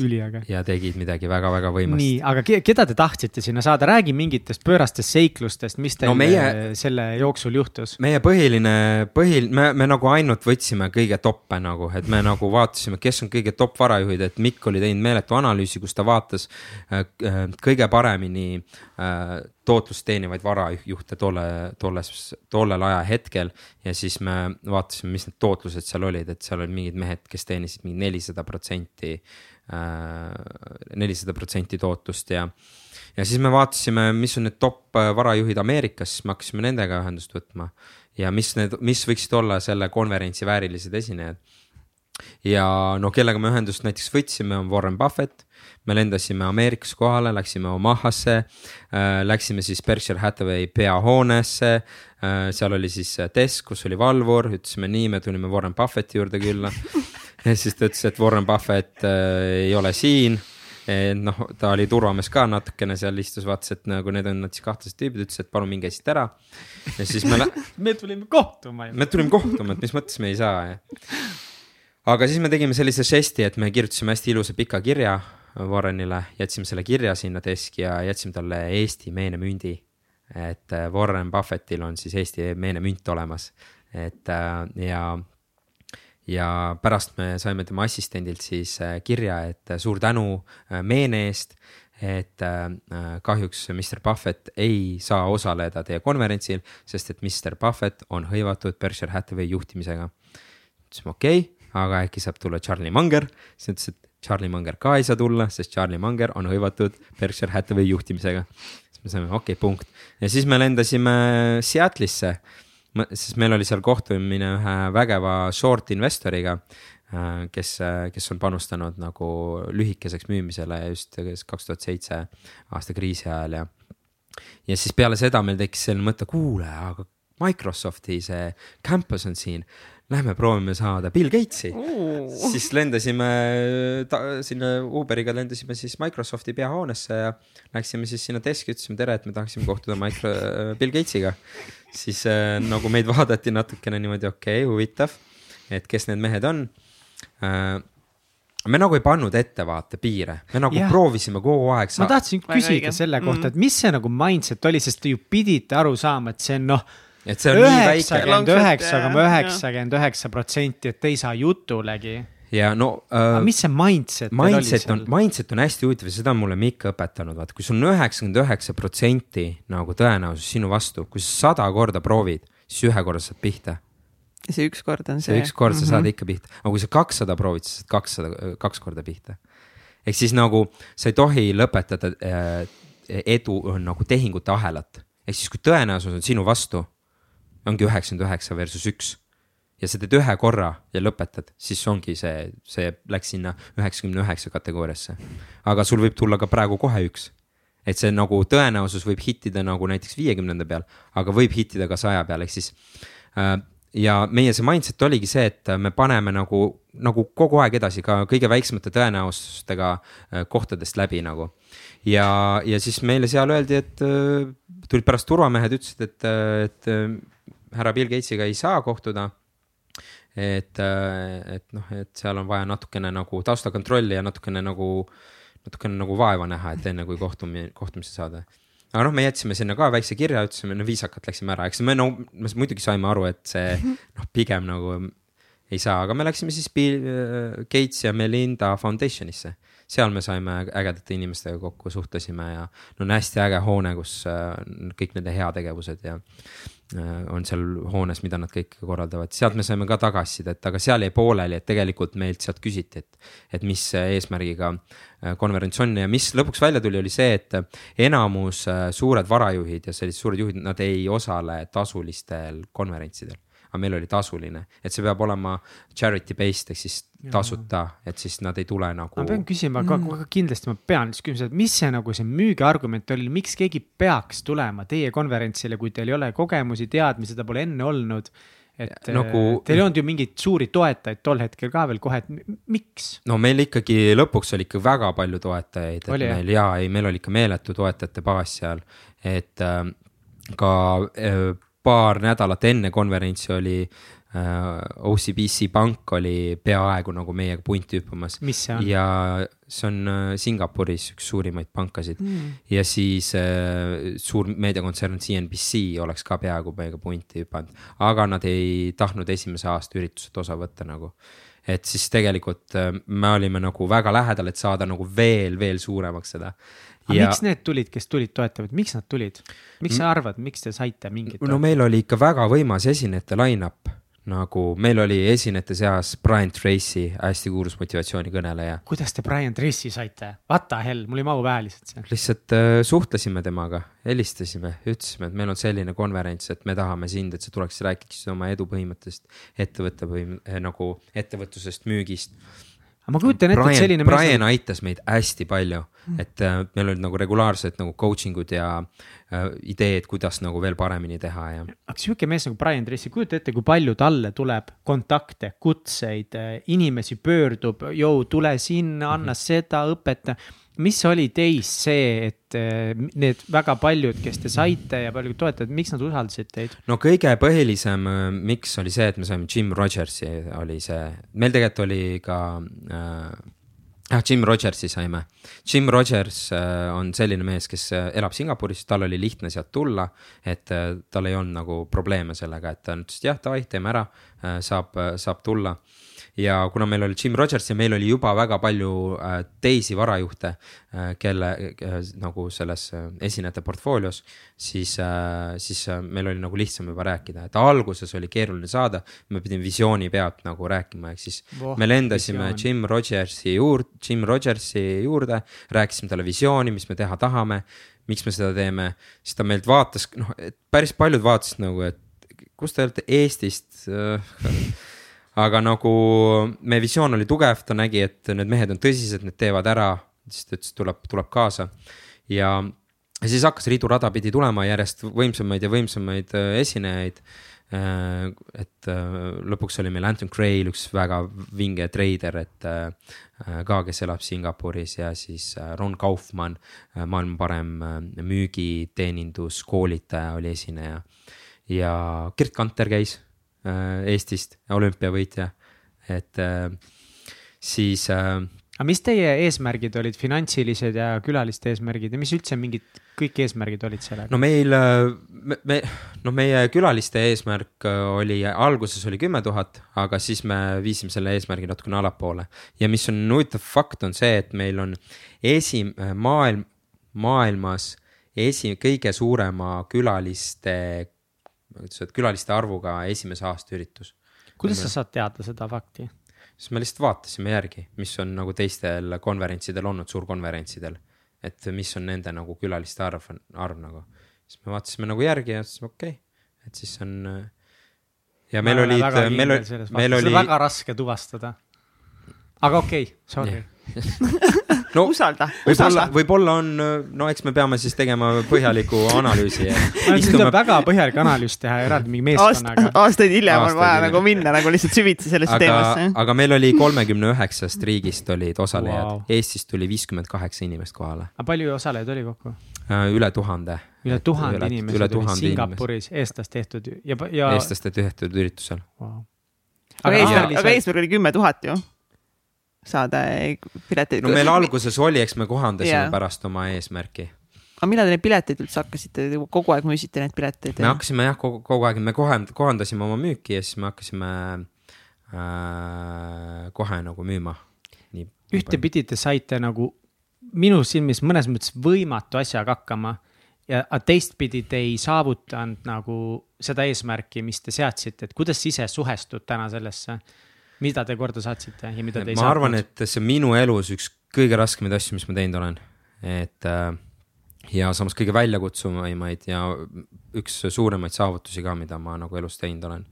et sellise tempoga nagu välisriigist null tutvustega korraldada ja ikkagi nagu lõpuks see asi ära teha meil oli nii palju läbirääkimisi, nii palju lennu, lende, nagu see oli, see oli nagu pöörane kuni selleni välja, et äh, paar nädalat äh, enne üritust äh, Mikk jäi haigeks. Et meil oli nii palju erinevaid nagu kokkuleppeid ja diile veel vaja teha ja Mikk oli haige, ta oli täitsa töövõimetu. Ja siis äh, noh, siis oli minu nagu etteaste, ma pidin nagu selle asja lõpuks nagu purki panema. ja paar nädalat äh, enne üritust meil ei olnud paigas isegi selle nagu ürituse mm, alade ehitus noh, kes on üritusi korraldanud, see kujutab ette, mida tähendab paar nädalat enne üritust, sul ei ole paigas alade ehitus ja sul on mustmiljon muid asju ka, mida teha.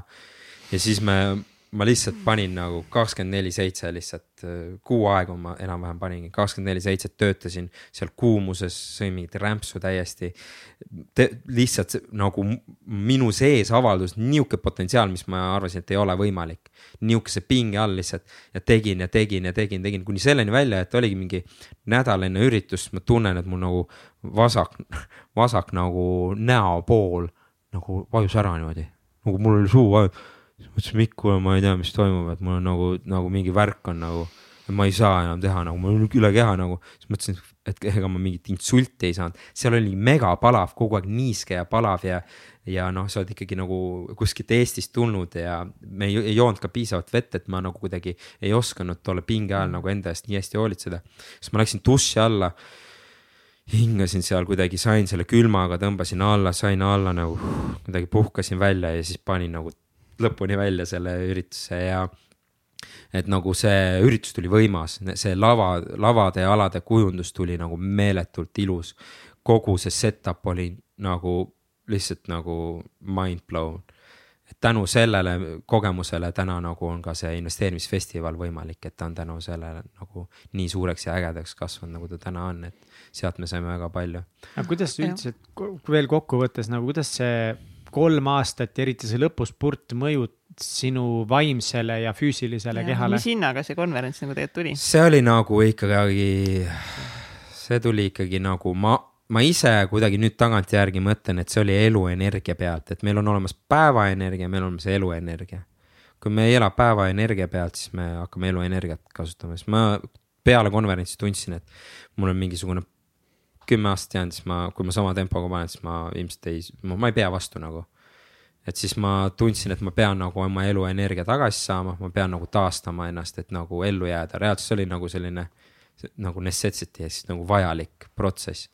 ja kui ma nagu, ma olin nii tühi emotsionaalselt, ma olin täiesti apaatne, ma nagu olin nii väsinud, et sellest nagu kogu sellest konverentsist ja ja sellest pingutusest, et me tegelikult tahtsime mitu aastat veel edasi teha, me Mikuga andsime nii suure paugu sinna sisse. et me lihtsalt emotsionaalselt ei suutnud enam teha, et äh, meil olid veel plaanid, meil oli nagu järgmisel aastal pidime veel pangaga nagu koos äh, äh nagu järgmisele tiirule minema, pidid kaasa tulema. aga me lihtsalt ei suutnud, ei olnud, ei olnud nagu seda jõudu, et, teha. mis on nagu loomulik, nii, nii, nii juhtub ja ja ma olin hästi tühi ja äh, ma olin nagu pannud nii palju oma eluenergiat sinna sisse ja, ja siis äh, mul ei olnud enam jõudu nagu teha ja siis ma tulin tagasi. siis me otsustasime praegu nagu, praegu edasi ei tee seda konverentsi, et äh, teeme võib-olla nagu noh, mingi aeg hiljem, nagu järgmine aasta, ülejärgmine aasta. ja meile väga palju kirjutati, meile kirjutati isegi äh, Ühendemiraatidest, et äkki tulete oma konverentsiga Ühendemiraatidesse mm., Kasahstani, siis kirjutati, äkki tahate Kasahstani tulla konverentsiga. et meil nagu avanesid nii paljud diilid ja võimalused pärast nagu veel igal pool teha nagu et äh, esinejad lihtsalt kiitsid nagu, et nii võimas konverents, nii ägedad kogemused. me book isime Marina Bay Sandsi, ma ei tea, kas teate, mis on Marina Bay Sands, see on, see on äh, üks maailma kõige luksuslikumaid hotelle, seal on üleval nagu laevakujuline bassein niimoodi. aa ja, ja, ja, ja. me book isime mm -hmm. sinna nagu esinejatele need äh, esinejatele, vipp osalejatele olid mõeldud siis sinna Äh, toad ja siis meil olid Marina Bay, Bay Sandsi katusel olid afterparty'd. panime seal pidu, et see, see oli nagu selline vägev kogemus. täiesti teine maailm ikkagi. aga anyway, no ühesõnaga ma olin nagu põhimõtteliselt kogu oma dopamiini, endorfiini varud äh, miinusesse tõmbanud niimoodi, et mul see hormoon ilmselt on nagu sokk tagurpidi välja tõmmatud, et mul lihtsalt ei tootnud. ta hakkas nagu küsima, et kuule, et äkki on veel mingeid hormoone, mida muud saab toota ma lihtsalt olin nagu sellises nagu täitsa nagu noh, noh augus. kaua sa taastusid sellest äh,? ma siiamaani taastun, siiamaani taastun tegelikult sellest. kui palju aega möödas on? Äh, kaks tuhat seitse tegime seda, et äh, aga noh. kolmteist aastat ja. taastud? ei, kaks tuhat seitseteist. aa, kaks tuhat seitseteist ja kaks tuhat seitse poleks seda hoogigi. vabandust. neli aastat tagasi. jaa, neli aastat tagasi okay.. aga tegelik nagu selle, et ma sain nagu töövõimeliseks, sain nagu normaalseks inimeseks tagasi kuus kuud. kuus kuud mm -hmm. istusin maal Peipsi järve ääres. ja ma võtsin kõik endale vabaks, mõtlesin, ma ei tee mitte midagi kuus kuud vähemalt. ma isegi mõtlesin, ma noh, ma teen siis, kui midagi tuleb. kui mingi tunne tuleb, et ma tahan midagi teha, siis teen. ja siis äh, istusin seal äh,, mediteerisin, õppisin kitarri mängima äh,. hakkasin tinistama, vaatasin, et kuule, nii hea suhe tekkis kuidagi kitarriga. Ja siis ma, ma tundsin, mu sisekõne oli nagu täiesti rappa kuidagi läinud. milline see oli siis? see oli kuidagi selline, et äh, ma ei saa hakkama, ma nagu olen nii väsinud, et näed, ma, mul energia sai otsa, ma ei jõua, ma olen kurnatud ja noh, et ma olin nagu nii palju energiat ära pannud, et siis meil tegelikult eh, toonase elukaaslasega ka läks nagu see suhe, suhe nagu lahku. et eh, no mis täiesti, täiesti arusaadav, et, et ma, ma, mind, ma olin lihtsalt nii palju pühendunud sinna, et ma jätsin oma suhte unarusse ja ei andnud energiat sinna, et mul oli nagu teine suhe. et siis elukaaslane nagu noh, ta ootas oma aega, et, et talle nagu ei sobinud, mis on täiesti okei okay ja täiesti arusaadav, et äh, ma väga armastan teda selle eest, et ta toetas ja oli mm., oli alati olemas sellel hetkel minu jaoks, et, et hästi ilus hing, et täiega armastan teda. ja siis äh, ma läksin äh,, läksin maale, hakkasin laadima ja ma lugesin vist uh, The Power of Unconscious Mind, sellist raamatut ja siis seal on see, et, äh, et sinu sisekõne või siis see nagu sinu sisekõne on sinu enda loodud. ehk siis äh,. et äh,, et see, mida sa mõtled, et a la, et äh, ja ta on nagu, ta on nagu sinu sõber ehk siis see väike hääl ja kui sa ütled talle, et ma ei saa hakkama, siis tema on nagu selline tüüp, kes ütleb, et kuule, Tõnis, meil on praegu, me ei saa hakkama, ei saa hakkama. ja siis ta hakkab nagu sulle nagu ütlema, kuule, Tõnis, ei saa hakkama, ei saa hakkama. ja siis äh, ma olin mingi hetk nagu väsinud sellest, ta kogu aeg korrutab, et ma ei saa hakkama, ei saa hakkama. ja siis seal ütles nagu, et, et noh, on nagu noh, et see on nagu autosugestioon ehk siis selline tehnika, mida ma nagu enda tegin, aga vastupidises vormis. ehk siis tegelikult, kui, kui ma tahan nagu oma sisekõne muutma, siis ma pean nagu õpetama oma häält teistmoodi rääkima. Ja ja siis ta ikkagi nagu jauras edasi nagu, et ei saa hakkama, ei saa hakkama, siis ma hakkasin mantrat endale laulma ja hakkasin mantrat endale sisendama, et. ja minu mantra oli, et kõik on piisavalt. siis mul oli tunne nagu näiteks noh, kuna ma päris palju oma nagu portfellist või nii-öelda elasin oma säästudest, siis ma tundsin, et nagu ma olen nagu maas, et teised on nagu ette läinud ja hakkasin võrdlema, et ma oleks võinud nagu natukene nagu noh, muid otsuseid teinud, siis ma ütlesin, näed, et mulle, mul ei ole piisavalt ja ma blablabla. ja siis, ja siis ma hakkasin nagu sisendama endale, mitte sisendama, vaid ise loomulikult tuli, see oli ainukene normaalne asi, mida ma sain endale öelda, on see, et kõik on piisavalt ja siis alguses nagu hääl ütles, kuule Tõnis, et meil on teistsugune kokkulepe sinuga, et ei ole kõike piisavalt, et me ei saa hakkama, et. aga ta on nagu sõber, vaata, ta ei ole nagu, ta ei saboteeri sind, ta ei ütle nagu ei ole see, et kuule, et noh, ainult, et selline muster on, et me ei saa hakkama, siis ma ikka ütlesin.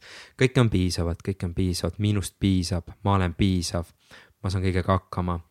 mul on piisavalt, mul on, ma olen jõukas, mul on piisavalt kapitali.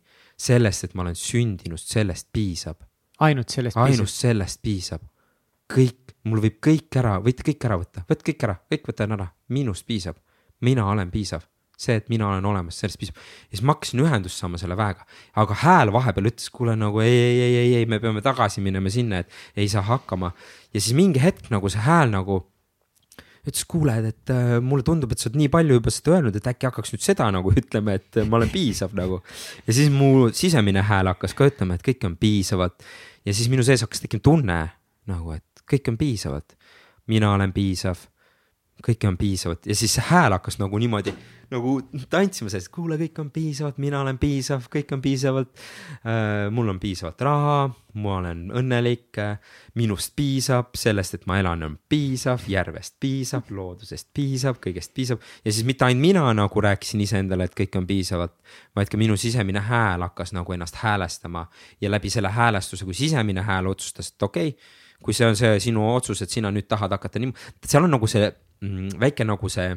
võta seda mikrofon lähemale endale. seal on väike lõtk äh, et äh, nagu see hääl nagu ei usu kohe sind, sest et nagu sa võid okay. ju mingit jama ajada mm -hmm. ja siis ta nagu kohe, sa nagu kohe ei lülitu ümber.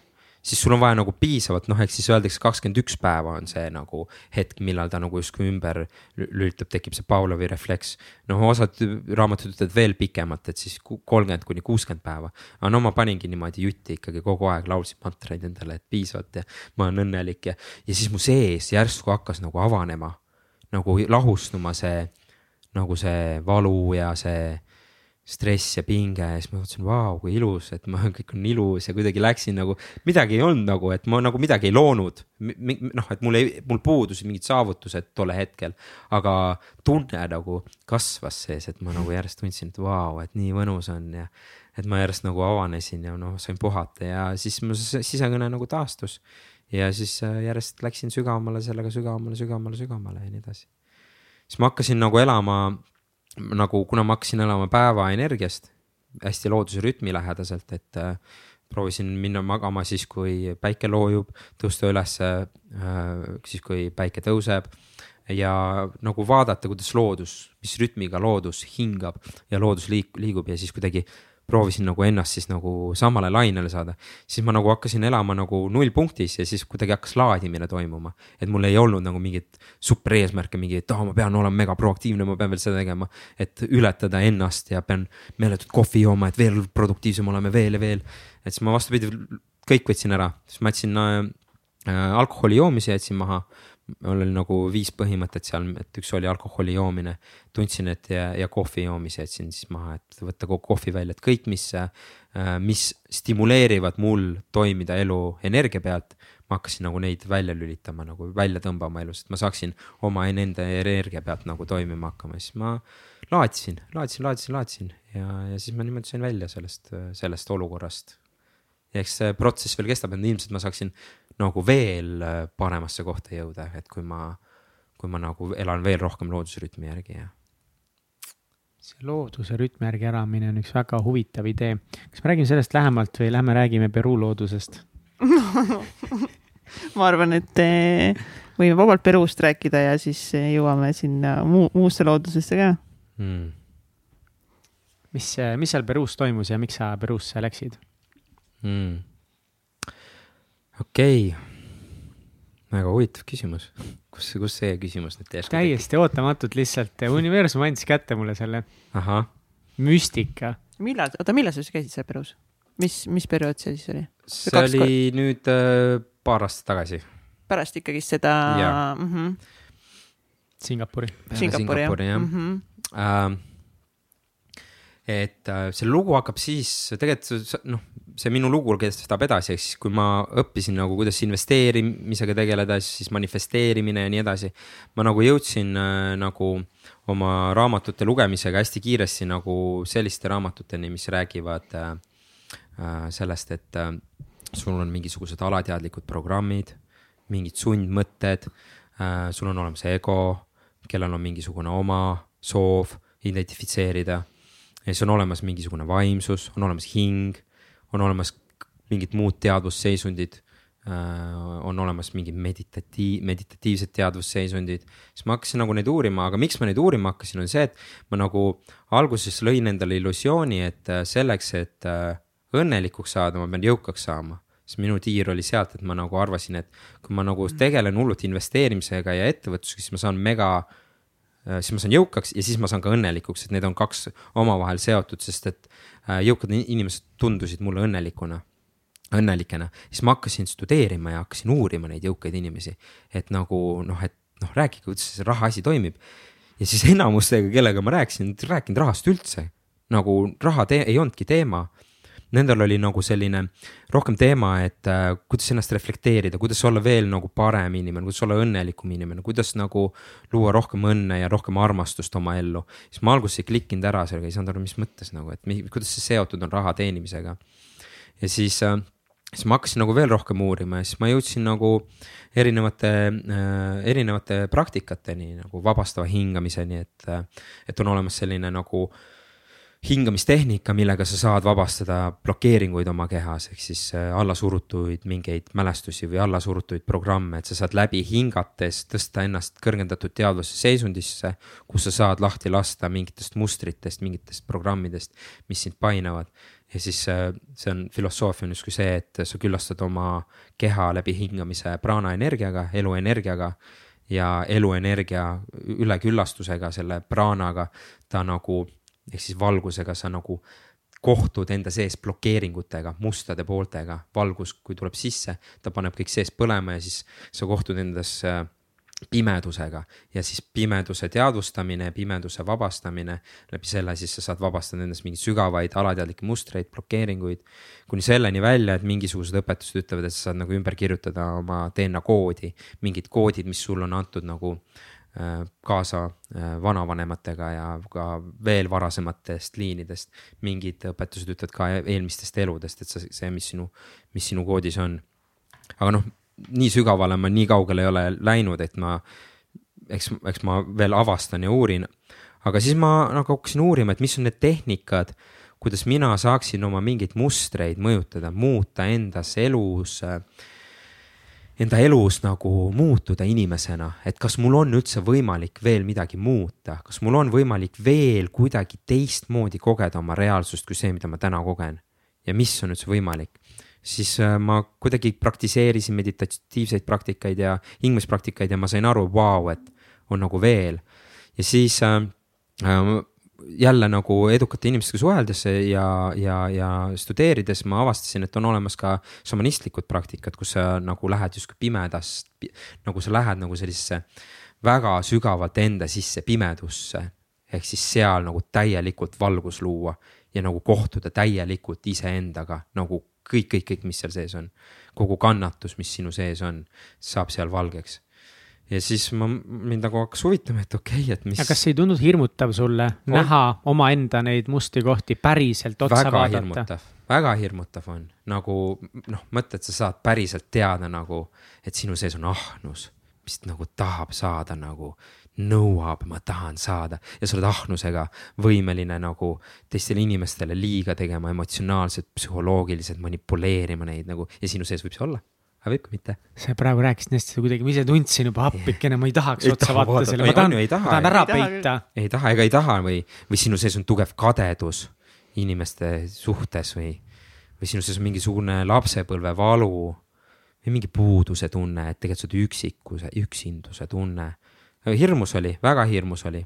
mõistus pani täiega no, sa ei tea, kuhu sa lähed, see ei ole okei okay., noh, ühiskond ka ei soodusta, aga nagu äh, põlisrahvad on äh, tekit-, noh, neid praktikaid äh, kasutanud ja selliseid puhastusmeetodeid, tervendamismeetodeid kasutanud tuhandeid aast-, aastaid. ja see kuulub neil sakramentisse, see on püha nagu ja seda saabki, äh, seda, seda nagu, miks ma Peruusse läksin, ehk siis äh, dieetat saabki teha ainult nagu seal, sest et see on nagu püha seal ja, ja ma läksin siis äh, Peruusse äh, sellisele nagu äh, kümnepäevasele meistertaime dieetale ja ma olen kaks korda seal käinud ja see on siis šamanistlik pühitsus, kus sa liidad oma teadvusega teise taime teadvust. ehk siis taimedel on oma teadvus, neil on oma, oma nagu kogemine, oma tarkused sees mina nagu alguses sellest ei saanud aru, ehk siis kui sa elad äh, mitte nagu harmoonias loodusega, sul tundub, et nagu loodusel ei ole nagu oma mm. -hmm. see läheb nii üle pea kuidagi, see mõte. sa isegi, sa isegi ei mõtle selle peale. ja ma isegi, mina ei mõtlegi selle peale, aga väga huvitav. see on nagu, on puu ja on taim, aga kui sa nagu lähed hästi loodusega üheks, sa saad aru, et see taim on elus tal on nagu oma õpetus, tal on nagu oma teadus, tal on oma roll ja nad on väga-väga targad. siis äh, seal äh, šamanistliku di dieedi ajal, siis ma integreerisingi endale nagu hästi võimsa sellise taime, taimeteadvuse, sõbra, äh, liitlastaim nimetatakse seda. ja minu esimene liitlastaim oli Bobinsana, selline südame avaja taim ja siis äh, äh, seda nagu integreeritakse seal äh, šamaani poolt, šamaan juhib seda kogu ringi ja, ja siis seda integreeritakse siis koostöös meditsiiniga ayahuasca. Ja siis äh, koostöös ayahuasca ja bobinsana ja minu teadvus ühinevad ja selle dieedi käigus äh, sa integreerid selle taime teadvuse oma teadvusega. Ja ta ja see tegelikult koosneb kolmest osast, on prii, priidieet, mis on siis äh, enne dieet, enne dieetat ennast sa viid ennast hästi taimsele toidule, sa ei söö liha, sa ei söö võõrteadvusi endale sisse, sa ei väljuta seksuaalenergiat, sa ei joo alkoholi, sa ei joo kohvi, sa hoiad endas hästi puhast äh, teadvust, äh, ainult, ainult taimset Äh, proovid puhata ja proovid tulla nii palju kohale kui võimalik. ehk siis ka loomadel, süües loomset surnud liha, tema sisaldab ka oma teadvust, tal on ka oma, oma energia rakkudes ja, ja siis sellest puhastades sa liigud siis dieeta faasi, kus on siis kümnepäevane äh, dieeta, kus sa äh, põhimõtteliselt viid toidu miinimumini, sööd ilma igasuguste noh maitseaineteta midagi, et sul põhimõtteliselt on lihtsalt, ma ei tea, kaerahelbepuder veega ja kõik mm, -hmm. kartul. That's it, nagu kümme päeva ja see on selleks, et su keha oleks nii puhas ja sinu teadvus oleks nii pu hästi puhtaks läheb kõik. et oled ainult sina ja see taim ja siis sa jood äh, selle dieeta ajal äh, liitri, liitri siis äh, seda, äh, seda taime, mida siis äh, sa liitlaseks nagu integreerid oma, oma teadvusesse iga päev ja siis jood ja, ja siis su rakud nagu uued rakud, mis moodustuvad, moodustuvad siis juba selle taime energiaga, siis sa nagu integreerid teda oma kehasse sisse. ja siis äh, läbi siis tseremooniate, mis toimuvad õhtuti äh,, toimub siis selline nagu äh, taimeriiki sisenemine nagu äh, Äh, sellisesse nagu kõrgendatud teadvuse seisundisse, kus sa siis tegelikult mõnes mõttes saad suhelda selle taimega, sa saad tunnetada, mis õpetusi see taim, taim saab sulle jagada.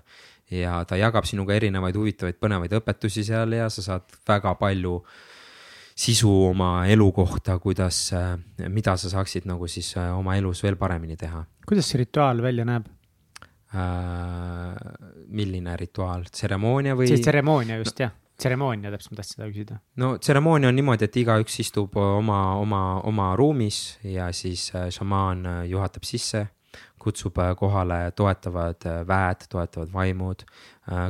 kõigil osalejatel on hästi tugevad taotlused, luuakse hästi tugev püha ruum kaitsetega ja siis šamaan avab ringi, sest et see šamanistlik maailm avab hästi tugevalt sellise äh, nagu nii-öelda välismaailma, mida sa nagu selle reaalsusega ei suuda kombata, et ta avab sellise sisemaailma, nähtamatu maailma, et siis sa sisened teistsugusesse teadvusesse no,, mis on samaaegselt tegelikult eksisteerib siin ja praegu.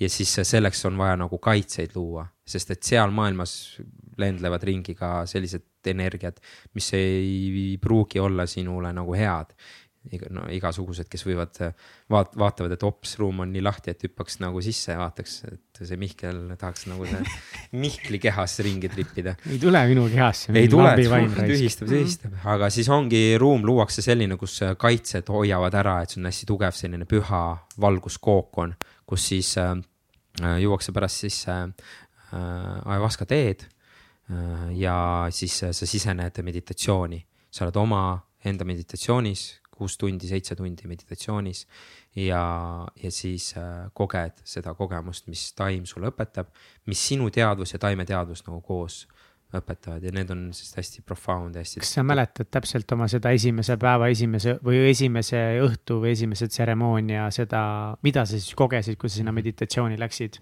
selle ajuhaskaga äh,? praegu väga meelde ei tule, aga mida ta teeb, ta ava, nagu avab äh, väga tugevalt äh, äh, nagu uue nagu reaalsuse. sa mm, ühen-, ühined nagu sinu teadvus ühineb kõiksuse teadvusega ja sa koged seda oma teadvusega.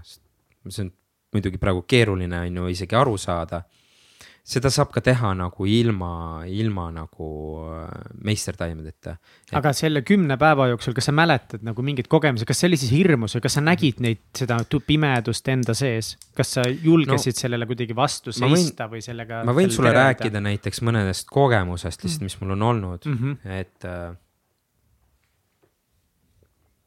et, äh, et üks kogemus näiteks, tervenemiskogemus oli see, et mul minu, minu ja minu isa suhe tegelikult äh, mõned aastad tagasi, noh, mõne, mõned kümned aastad tagasi ei olnud üldse nagu tegelikult nii hea, et ma kuidagi, ma ei austanud oma isa ja mul puudus nagu isaga kontakt, et mul nagu ei saanud aru nagu, et nagu ei saanud temaga. ja mu isa jõi tegelikult päris palju nagu alkoholi ka, et kuidagi täiesti teistsugusest ajastust ja, ja nagu noh ma ei tea, ma, nagu väga ei armastanud oma isa, minu sees ei olnud sellist austuse, armastuse tunnet kahjuks et noh, ilmselt päris paljudel võib selline kogemus peres olla, et noh, et sa ei saa öelda, et isa, ma armastan, kas sina, Mihkel, saad öelda oma isale, ma armastan sind? hetkel ei saa. kas sina saad öelda oma isale, ma armastan sind? eks ole huvitav, eks ole, miks? ma ka ei saanud ja see on täiesti normaalne, et on, mis iganes on nagu. ja siis äh,, ja siis ma kuidagi, siis mu äh, koostöös taimega nagu taim õpetas mulle, et, et, et on nii nagu on. et sinu isa on täna selline, et sest et ja su noh, et sinu isa ei osanud sind armastada nii, et ta, tal puudus eeskuju. ehk siis vanaisa ei osanud, ei õpetanud äh,, kuidas üldse armastus käib. ehk siis äh, ma oleks võinud minna kohe kinni, öelda, no mis asja, näed, no ma ei tea, mis iganes, et õpi selgeks nagu, aga kui sul ei ole nagu kogemust et kuidas armastamine käib, kuidas käib isa ja poja vaheline armastus ja siis sa ei saagi seda isana edasi anda, kui sul puudub nagu armastamine, armastuse nagu võime. ja siis ma mõtlesin, okei okay. ja siis ma, pilt läks edasi vanaisa peale ja siis ma nagu mõtlesin, aga nagu, et aga miks noh, et miks vanaisa armastab, aga vanaisal ei olnudki isa. et vanaisa ei saanudki kellegilt õppida isa armastust, sest vanaisal ei olnudki isa nagu, siis ma hakkasin mõtlema, ma nagu kogesin seda nagu, et et, et, et nagu, et ei olegi nagu, et meie liinis nagu isa liinis ei olnudki nagu seda äh, armastuse edasiandmise kogemust. ja, ja mul tekkis hästi tugev kaastunne vanaisa suhtes, et, et tal ei olnud isa ja siis ma äh, tajusin enda sees, et, et, et, et mul on nagu kurb, et vana-vana isa sai surma Teise maailmasõja ajal. et see kannatus meie perre tuli et äh, minu, minu vanaisa kasvas üles ilma isata ja ta ei osanud nagu olla, võib-olla nagu nii hea eeskuju oma poegadele. ja läbi selle kaastunde mul tekkis hästi tugev armastus ja side vanaisaga. ma nagu hakkasin armastama teda selle kogemuse eest, et tal ei ole isa olnud ja ma nii tugev, lihtsalt nii tugev armastus tekkis. et täiesti nagu, ütlesingi tseremoonia ajal, vanaisa, ma armastan sind, et kõik on hästi et ma lasen lahti selle valu meie liinis, isa liinis, et ma vabastan selle, et ma, et, et kõik on hästi, et mina armastan sind, et isegi kui sina ei saanud seda armastust, mina nagu armastan sind, et ma olen nii tänulik sulle, et ma olen siia ilma sündinud, ma nagu tervendasin oma juureliini. et see katkes seal ära, mis iganes kannatuse põhjus, võiks nagu neid kõiki nagu seal ju kogu seda pandet, kes seal sõdis omavahel, võiks ju süüdistada, siis ma nagu lihtsalt läksin üle kaastundesse ja armastusse. ja läbi selle, kui ma nagu tundsin, et ma armastan nagu, siis ma tundsin, et ma armastan nagu oma isa. siis ma saan aru oma isast, sest ma nagu ei kunagi ei kogenud nagu, aga ma nüüd sain aru, et et ta nagu on andnud endast parima just nii, nagu ta on, et mul on mingid illusioonid ja ootused olnud, et justkui peab miskit muud olema aga see, et, et, et ma armastan teda nii, nagu ta on, siis ma tundsin, mul nagu nii väga armastan. ma nutsin, nutsin lihtsalt ja, ja valasin pisaraid ja hästi tugev nagu selline nagu kurbus tekkis. Ja siis ma, siis ma nagu integreerisin seda nagu kogemust, seda armastuse kogemust, see on tänulikkus, armastus, siis see lahustus see noh, see läheb, kas, kas sa nagu oksendad näiteks selle välja, selle valu, selle nagu kannatuse, et see -hmm. võib juhtuda niimoodi, et sul see koguneb kehast nagu selline energia tuleb sisse nagu ja siis sa lihtsalt ei suuda kogu selle valuga toime tulla ja siis toimub puhastus, nagu sa puhastad, ehk siis see medicine ongi nagu sa puhastad enda sees sügaval alateadlikud ja väga tugevad mustrid välja, siis ma väga tugeva puhastusega siis, siis äh, puhastasin ära ja ma tundsin nagu et, et see on nagu puha, et see on puhas, et see on ilus, see on puhas. ja kui ma jõudsin tagasi, siis ma ütlesin oma isale, et äh, ma armastan sind. ma ütlesin seda puhtast kohast, mitte meelega niimoodi, et punnitades, vaid ma ütlesin, vaatasin talle silma, isa, et ma armastan sind. ja, ja siis ma, ja siis tema nagu koges esimest korda nagu, mis tähendab armastamine meeste vahel, poja ja isa vahel ma ei tea, noh, eks ma ei taha oma isa eest rääkida, aga sellest hetkest meie suhe nagu muutus, mu isa pole nüüd üle kolme aasta alkoholi joonud. ta on nagu suurepärane mees nagu, ma nagu õpin nii palju temalt, ma ei ole nagu oma kahe, kolmekümne aasta jooksul õppinud nii palju, kui ma nüüd viimase kolme aasta jooksul olen õppinud, meeletult nii tark mees, nii elukogenud mees, minu sees tekkis nagu nii suur austus, nii suur armastus, nii suur vastuvõtlikkus sellisena, nagu ta on. Ja siis, ja siis läbi selle, kui mina, noh, ma nüüd kõrvalt olen vaadanud, kui mina äh, nagu lasin lahti sellest, et nagu, et ootad justkui oma isalt, et tema peab mind esimesena armastama. läbi selle, et mina tingimusteta astusin armastusse, minu isa tervenes ja hakkas oma isa armastama. Mm ja ma nägin, et kuidas minu isa ja vanaisa vaheline suhe tervenes ja minu isa ja onu vaheline suhe on tervenemas, selline hästi huvitav protsess on käimas, kõik nagu kuidagi terveneb ja nagu meie pere on nagu läinud veel ühtsemaks, veel mõistvamaks, veel nagu arusaamaks. ja, ja siis noh, näiteks selline kogemus. väga ilus. et, et aitäh, aitäh, aitäh aitäh sellele emakesele Ayahuascale selle kogemuse eest, et see on püha kogemus ja püha meditsiin ja et meil on ikkagi vägevad, vägevad liitlased olemas. kindlasti on olemas ka teisi tehnikaid, kuidas saada teha nagu teraapiaid ja aga, aga ma olen väga tänulik, et meil on olemas sellised võimsad taimed, millega me saame hoitud ruumides äh, professionaalide all nagu terveneda ja juhitud ringides olla. et see on, et see on midagi hästi võimast, mida ühiskond vajab palju rohkem kui kunagi varem.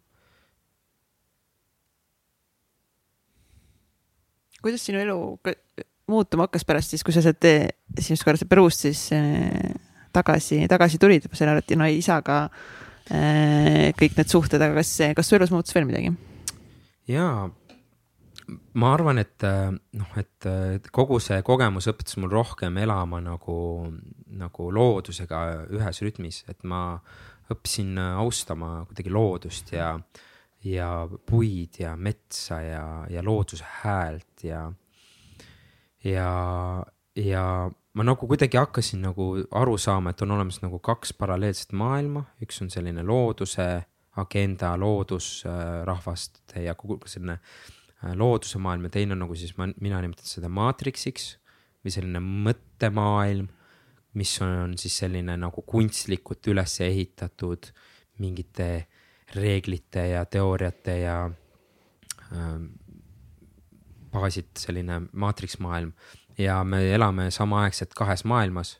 ehk siis me, me saame valida ühte või teist ja osad inimesed elavadki ainult siis sellises nagu nii-öelda maatriksmaailmas, kus äh, ongi ainult tulemuste tegemine, tulemuste saavutamine, ükskõik mis hinnaga, kasvõi võtan kogu looduse maha, reostan kogu looduse ära, toodan plastikut, too, kaevan kõik äh, kütuse üles no,, nagu see põhimõtteliselt, millest tänast räägitakse, kliima soojenemine ja kogu see temaatika, et, et see ei ole niisama, ehk siis on olemas mingisugune teadusseisund, kus inimesed elavad, mis hävitab loodust, mis on noh, on nagu on mm, -hmm. aga tuleb sellest aru saada, et võib-olla see ei ole nagu tervislik inimesele ja mina tegelikult elasin nagu täiega seda, seda reaalsust, kus ma ikkagi nagu pigem olin nagu hävitav ja pigem nagu selline nagu noh, tulemustele orienteeritud ja vaja nagu kasumit teenida iga hinnaga.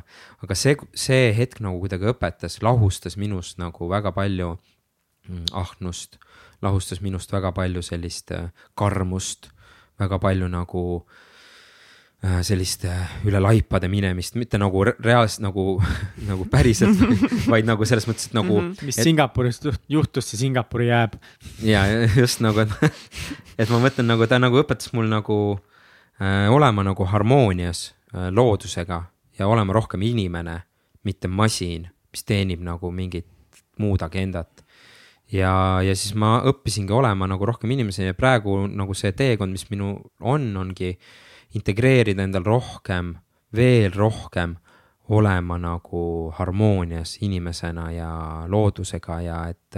no see ei tähenda ju seda, et, et või tähendab, et, et sa jätkuvalt et noh, nüüd sa ei taha näiteks üldse raha enam teenida või mhm. et äh, sa ei taha autodega ringi sõita või. see on et... nagu muutunud jah, see on muutunud, et äh, igas nagu hetkes nagu on tekkinud nagu see ühendus loodusega, et. kui ma nagu hästi palju autoga sõidan, siis nagu, mis see nagu loodusega juhtub, vaata. aga samas sa ikkagi jätkuvalt ju, sa tahad ju vahepeal autoga sõita ja sa tahad jätkuvalt no, nagu raha üksinda... kasvatada ja nii edasi ja no jär-, no kus sina seda tasakaalu seal nagu näed? tervenemise protsess käib veel siiamaani mm. Et noh, ma ei ole näiteks oma ühislaenude portfellit äh, nagu äh, äh, ühisrahastuse portfellit nagu ära likvideerinud, mis tegelikult ju on üsna nagu ahne ja päris kõrged intressid on inimestel seal, et ma võiksin ju selle nagu likvideerida ja veel rohkem nagu siis äh, elada teadlikumalt ja veel rohkem nagu head luua siia maailma. aga kas see aga... eesmärk oleks siis nagu lõpuks ongi likvideerida kõik ja elada nagu täiesti nagu metsas kuskil? ma ei tea või, seda. või kus see? ma ei tea seda ma, ma lihtsalt tajun seda mm, -hmm.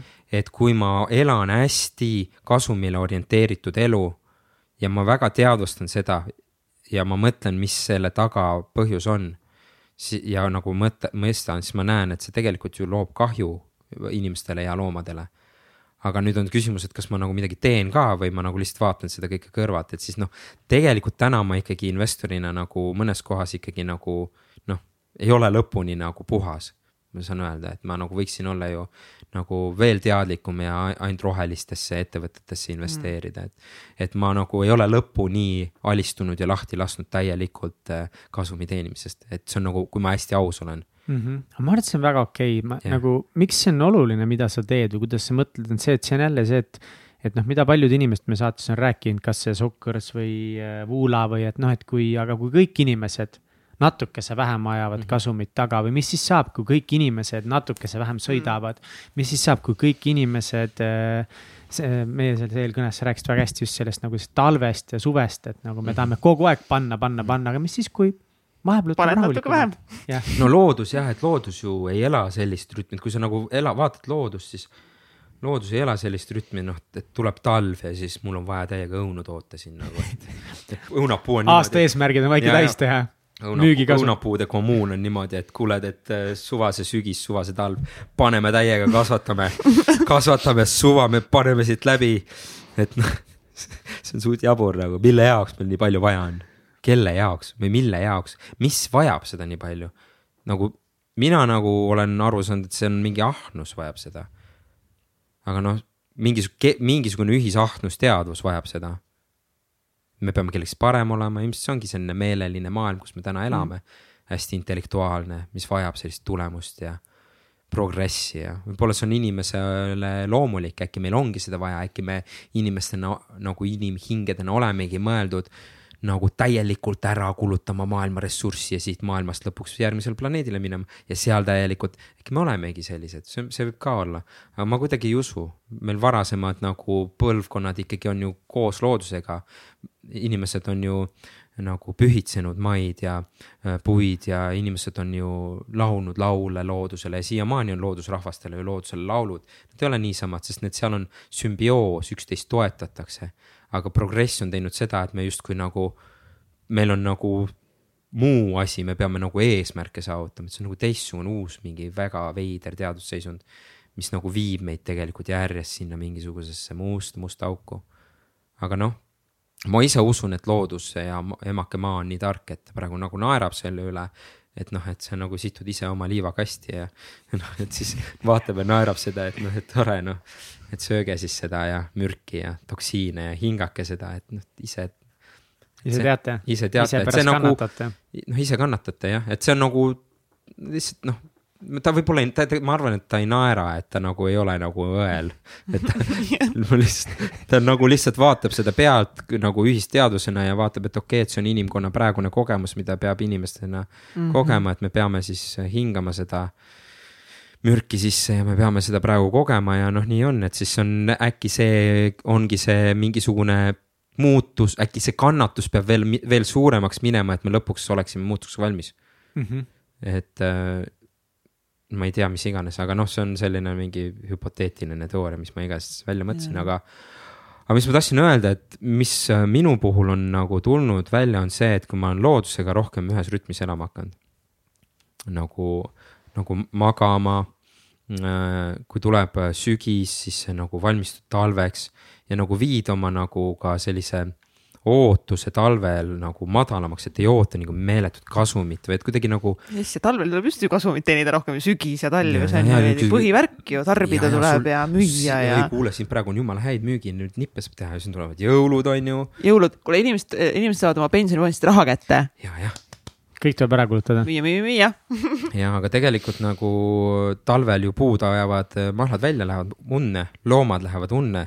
sa ei näe ühtegi oravat ringi, mingi orava armee paneb davai kutid, veel pähkleid, kus saame, kus saame nagu.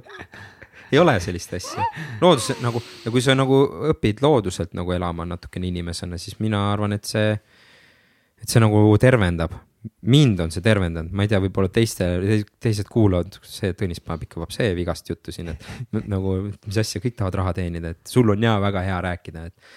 aga tegelikult, tegelikult mina olen õnnelikum inimene, kui ma elan loodusega rütmis.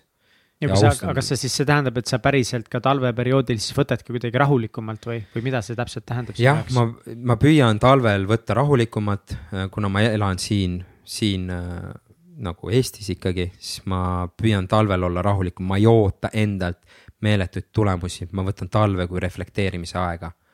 eesmärkide nagu, mis eesmärgid said saavutatud suvel, mis said mm. loodud, äh, mis on nagu tehtud. Äh, no kuidagi mõtestan ümber ja siis, kui tuleb kevad, kui mahlad hakkavad liikuma ja ma tunnen ka, et endalt nagu päikeseenergia hakkab nagu rohkem kehasse jõudma.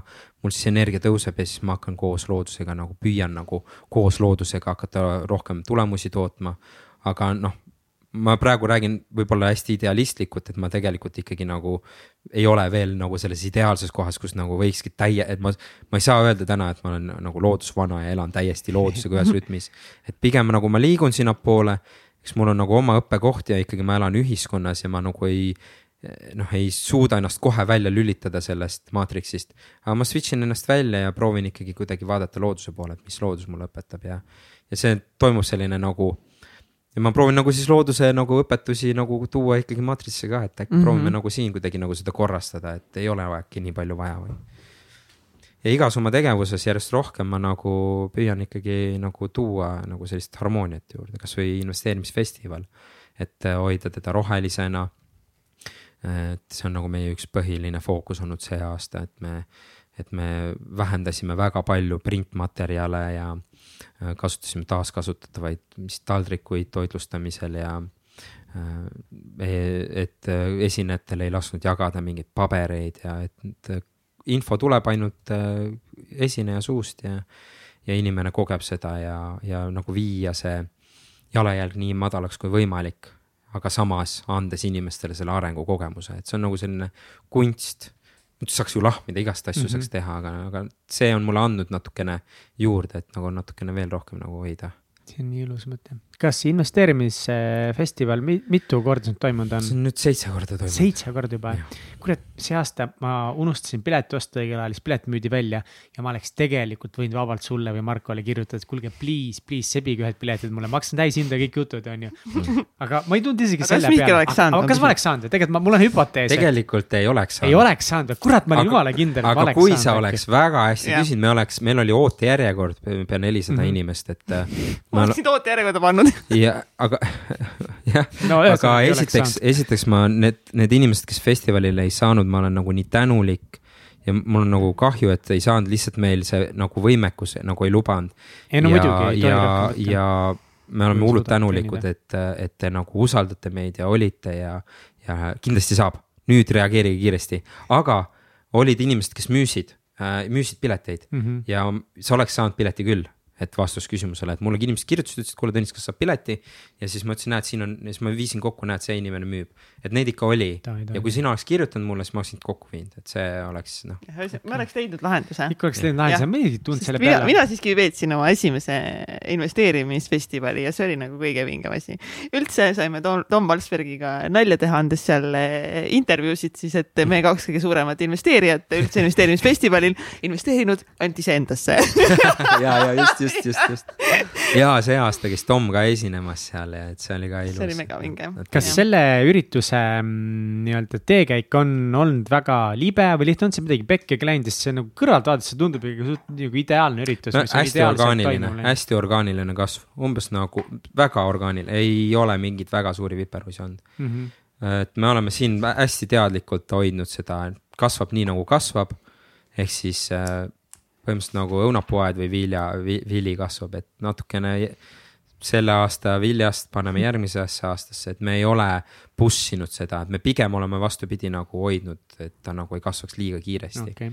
mida sa Singapuri kogu sellest või kuidas selle ürituse nimi oli, World, äh, mis? World Wealth Creation Conference. World Wealth Creation Conference, väga mouthful eestlasele mul on nüüd selline asi, et minul on vaja minna vetsu teen pissipausi. pissipaus. pissipaus.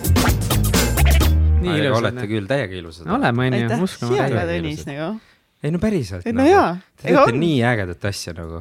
just, mul on kaks nagu korda peaaegu pisar silma tulnud sinu jutust. päriselt muidugi, me teeme, see on äge asi ainult sellepärast, et sinusugused inimesed tulevad ja räägivad. ja nii tore, nii tore, nii tore ja, ikkagist tänu investeerimisfestivalile ikkagist on täna ju Tõnis nagu põhiliselt, just täna nagu siin, mitte et oleks olnud tulevikus, siis Tõnis lihtsalt tuli minu juurde nagu me oleksime juba life long best friends ever ja, jah. aga ei ole või? noh mina, ju siis ma saingi aru, et olemegi, ma vist alguses oli nagu segadus korraks onju. ja siis, ja siis Tõnis oli nii armas ja nii tore ja siis ma olin kohe. see on suure, suurepärane koht korra küsimuseks no. muidu, et ähm, kas on mingi asi, millest ise tahaksid veel rääkida väga? noh, meil endal on mõned asjad, mida ma tahan veel küsida sinu käest, praegu on lihtsalt hea võimalus küsida. tahaksin lihtsalt tunnustada teid. ei, ei, ei, ei, okei, okei, ei, katse pärast, las ta pärast. ei, ma tahan praegu ära. las, ei, ei, ei, las ta räägib ära. jälle, jälle ei võta vastu. ei, no ma tahtsin, et lõpus, nagu saab see korda või ei saa nagu. Jah, Tõnis, aitäh ma lihtsalt ega väga pikalt ütlen, mulle hullult meeldib see, kuidas te nagu oskate ruumi hoida ja nagu seda autentsust ja ausust luua. see on nagu ilus. et, et noh, aitäh teile tõesti nagu selline, et see, te hoiate ruumi, et saaks tulla see tõde välja või see nagu inimeste sees see noh, see noh, millest tuleb rääkida, eks ole, et see on, ma olen kuulanud teie saateid ka, et need on väga ilusad ja see teie oskus on nagu tubli töö olete teinud. Aitäh. aitäh aitäh, aitäh, aitäh. aitäh sulle. jah, tänu sellistele lugudele, noh, kurat, see on lihtsalt noh, kurat, mida värki, noh. You insane, you so cool. oh, lähme edasi, mis sa tahtsid toituse kohta küsida? Nonii. kuidas ta nagu see, just sellest loodusrütmis elamisest, et kuidas, kuidas sa täna eh, toitud, mida, mida sa nagu sööd? ma ei söö praegu väga hästi ei söö väga hästi, et. mis, mis, mis see tähendab, sa ei söö väga hästi, kas see tähendab seda, et sa nagu, et, et sa ei, et sa ei söö üldse midagi või? sa nagu jood vett põhiliselt või?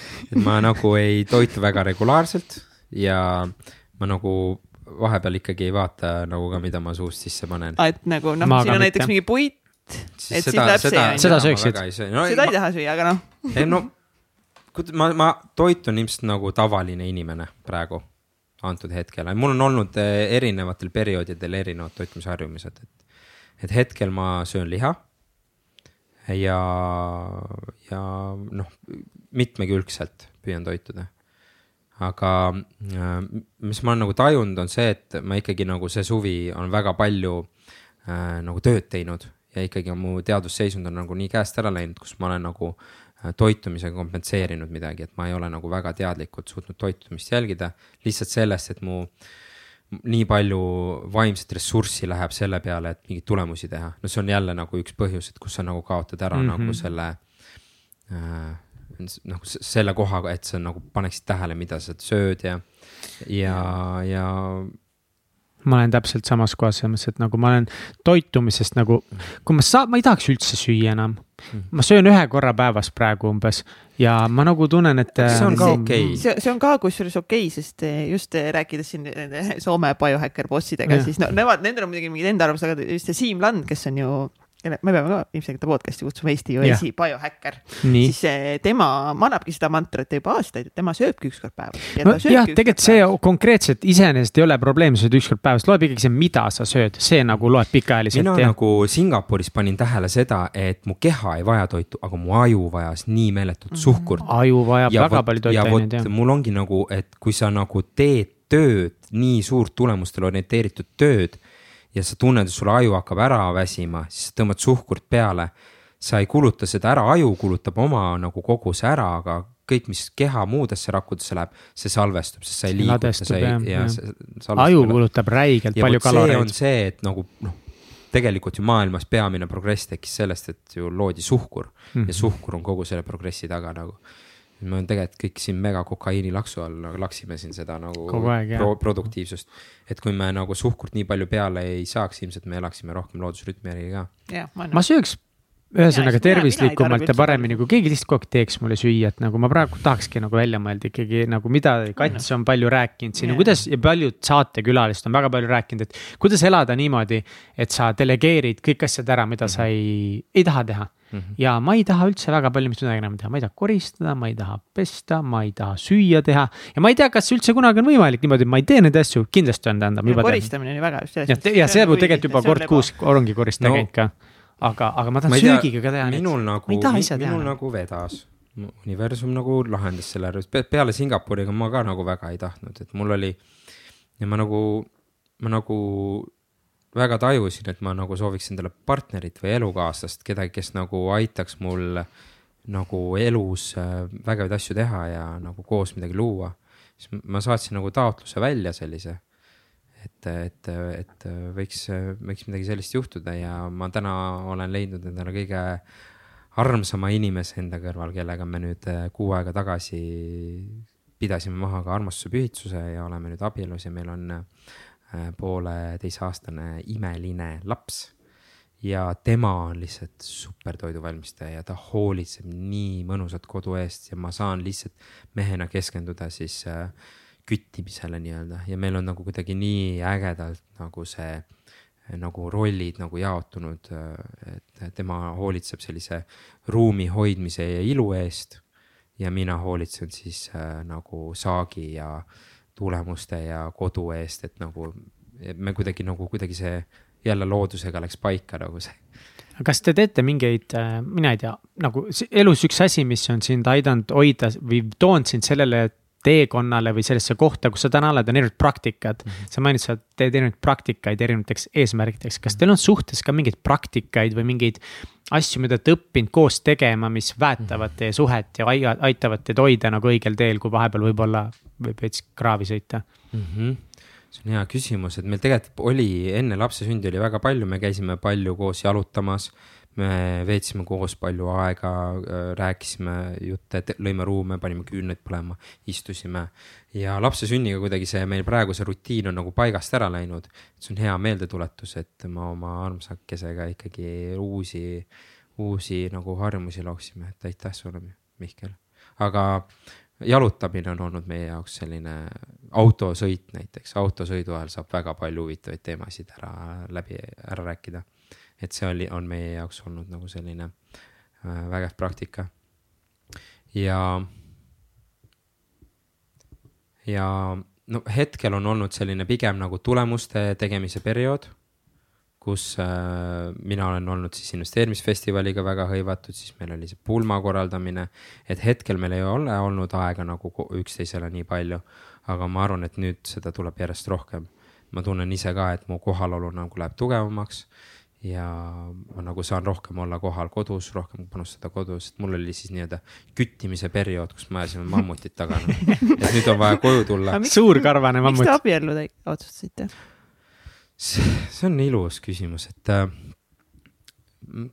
ma lihtsalt äh, kogesin äh, mingi hetk seda, et kui äh,, kui ilus ja mm, kui suure kingituse on, kui kingitus on elukaaslane, kes sünnitab sulle lapse. ja milline kogemus see tema jaoks on ja minu jaoks on. ja kui suur pühendumine ja pühendumise märk see on, et kui keegi toob ilma sinule lapse hmm. ja see enne seda nagu ma nagu ei tundnud seda, see tundus noh, see on nii nagu on ja siis mul kuidagi tekkis nii suur austus ja nii suur äh, armastuse tunne nagu teisel dimensioonil, kui muidu oli nagu, oli armastus, et me kahekesi oleme koos, siis nagu tekkis nagu armastus korda kaks. kaks punkt null armastus ja see nagu, see nagu pani nagu punkti, ma sain aru, et, et me oleme meeskond me oleme nagu paar ja meil on nagu ühine teekond liikuda. mina tahan hoida teda ja mina tahan anda ennast talle, et tema saaks naisena areneda oma kõrgema potentsiaali hüvanguks. ja tema on valmis pühenduma mulle, et mina saaksin mehena areneda oma kõrgemaks potentsiaaliks. ja see meie koostöö nagu on nii ilus et ma nagu tund-, ma nagu ei osanud kuidagi muud moodi talle enam öelda, et ma armastan sind. et ma nagu kõik armastuse sõnad said otsa ja siis ma mõtlesin, et vot see on tegemata, et see, et sellega ma saan talle veel öelda kuidagimoodi, et ma päriselt nagu armastan sind. ja siis ma otsustasin, et, et ma pean seal noh, et ma teen ära, et ma muud moodi ei oska öelda. siis ma pakun, et äkki ta tahab minu elukaaslaseks naiseks tulla ja siis me saaksime seda teekonda nüüd äh, koos kõndida veel kaugemale. et umbes, umbes niimoodi tuli mul see otsus. enne seda ma ei uskunud üldse nagu see, ma ei uskunud nagu sellesse, et äh, inimesed nagu abielu mõttetu. viiskümmend protsenti abielusid läheb lahku esimese, esimese aasta jooksul ja, ja üldse see on nagu mõttetu, see ei toimi ja. mõtted, raha raiskamine kuradi pulmadesse. ja, ja monogaamia ei toimi, et on ainult polügaamia, et ma olin täiesti seda usku nagu et peab nagu ikka, sul peab olema nagu hästi palju Haarem. erinevaid partner, partnereid ja must enda statistika ka näitas tegelikult seda, et noh, et mul on ikkagi väga palju elukaaslaseid olnud enne seda praegust elukaaslast, seega ma ei saa öelda, et. et mul oleks nagu üks, üks inimene olnud suhtes. aga see kuidagi muutus see, et muutus see nii sügavaks ja nii ilusaks, et. aga kas selle, kuidas praegu siis, siis avatud suhtega resoneerud sina, olles nüüd isa ja abielus? väga, väga meeldib see mõte, et inimesed võiksid armastada üksteist kogu aeg. ma ise usun seda, et äh, inimesed ongi armastus, me lihtsalt paneme mingid plokid kõrvale, reeglid, et me peame armastama ühte inimest, sest see on reegel. aga tegelikult ma usun seda, et me oleme võimelised kõik armastama üksteist sama palju. et no, Mihkel, mina saan sind armastada sama palju, kui ma armastan oma elukaaslast. mis su elukaaslane siis arvab? see on juba ego, see on juba nagu siis mingisugune programm, mingisugune hirm. aga mis tema nagu arvab, et nagu, et mis ta arvab, et noh tema usub ka seda, et on võimalik armastada inimesi sama palju. see ei tähenda seda, et me peame nüüd kõik omavahel seksima hakkama nüüd kohe siin nüüd ja praegu nii väga armu. ma mõtlesin, äkki see on võimalus, kus Tõnis veel saab äkki midagi juhtuda. äkki sa oled ilus poiss, sul on nii palju, sa oled täna mu hinge nii palju puudutanud, et võib-olla ma puudutan sind natukese aitäh sulle, Mihkel, võtan täiega vastu. võta, võta täiega vastu, ma täiega pakun Läks ebamugavaks. tundub, et Mihkel äkki ei lähe üksi tangumisse. aga, aga ma, ma, ma siiralt usun, et tegelikult me oleme armastus ja me oleme loodud armastama, lihtsalt me paneme armastuse kinni. ja see armastus saab olla nii võimas kõikide inimeste suhtes võrdne ja piir, piiramatu. aga ma ise, ise nagu ei, ma, no ma seda usun, aga ma ise lõpuni ei armasta kõiki ja kõike veel et mul on ikkagi ka mingi piirangud ja blokeeringud, kus ma nagu ei luba täielikult armastada. eks need on mingid haavad, kus ma nagu olen saanud haiget ja ma nagu ei, ei suuda lõpuni laskuda ja alistuda armastusse, lihtsalt armastada tingimusteta kõike ja kõiki. aga mis puudutab avatud suhet, siis et see on, ma arvan ka okei okay,, et armastadki mitut inimest. mul on väga palju armsaid äh, naisi ümberringi, keda ma väga-väga armastan ja ma julgen seda nagu öelda ja. aga kas sa ka seksuaalselt eh, oled nendega koos, on küsimus? Eh, noh, seksuaalsus on nauding, et äh, mul ei ole seda vaja, sest mul on olemas nagu väga hea kaaslane, kellega ma saan selle naudingu väga võimsal tasemel ära rahuldatud mm. -hmm. aga ma arvan, et ka see on okei okay,, kui, kui on nagu piirid on lahti ja sa tahad midagi uut kogeda, et et kui nagu osapooled on omavahel nagu avatud, et, et noh, see, see on lihtsalt kehaline nauding. et sa soovid ju kehal kuidagi veel mõnusamat tunda. et on see üks inimene või kaks või neli või paitab sind mees või naine, et see on nagu nauding, kui sa suudad lubada. sa võid, või sa võid ju lasta lubada naise paitusel ka nautida, noh massaaži või võib naine teha ju, väga mõnus on aga mis, mis see erineb näiteks siis, ma ei tea, juuste pattimisel, ainukene erinevus on see, et on reeglid, mingid mm -hmm. piirangud, mis me paneme endale. et see, et see on nagu, et, et see on nagu kehaline nauding, aga armastus ei ole kehaline nauding, et need ei ole üks nagu ühele, et sa võid armastada ilma nagu kehalise seksuaalse naudinguta kas sa saad kedagi armastada siis, aga nagu armastada, see mulle meeldib see idee. aga kas, ma huvi pärast küsin, et kas see armastus, mis sul võib ka kõikide teiste inimeste vastu olla, aga see saab olla selline, nagu sul on oma elukaaslase vastu, et sa rääkisid just nagu see mhm. pühendumine, see koostöös, üksteise toetamine. ma usun, et saab. jah? jah, see saab olla. see saab olla no aga siis nagu.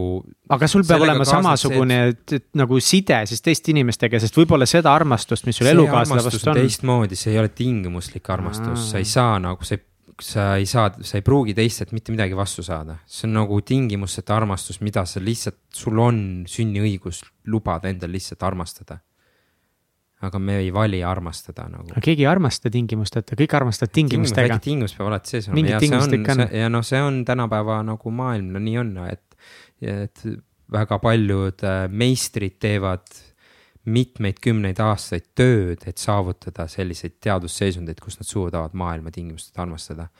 ja nagu saavutada täielik kaastunne kõige suhtes ja lihtsalt olla armastuse energias.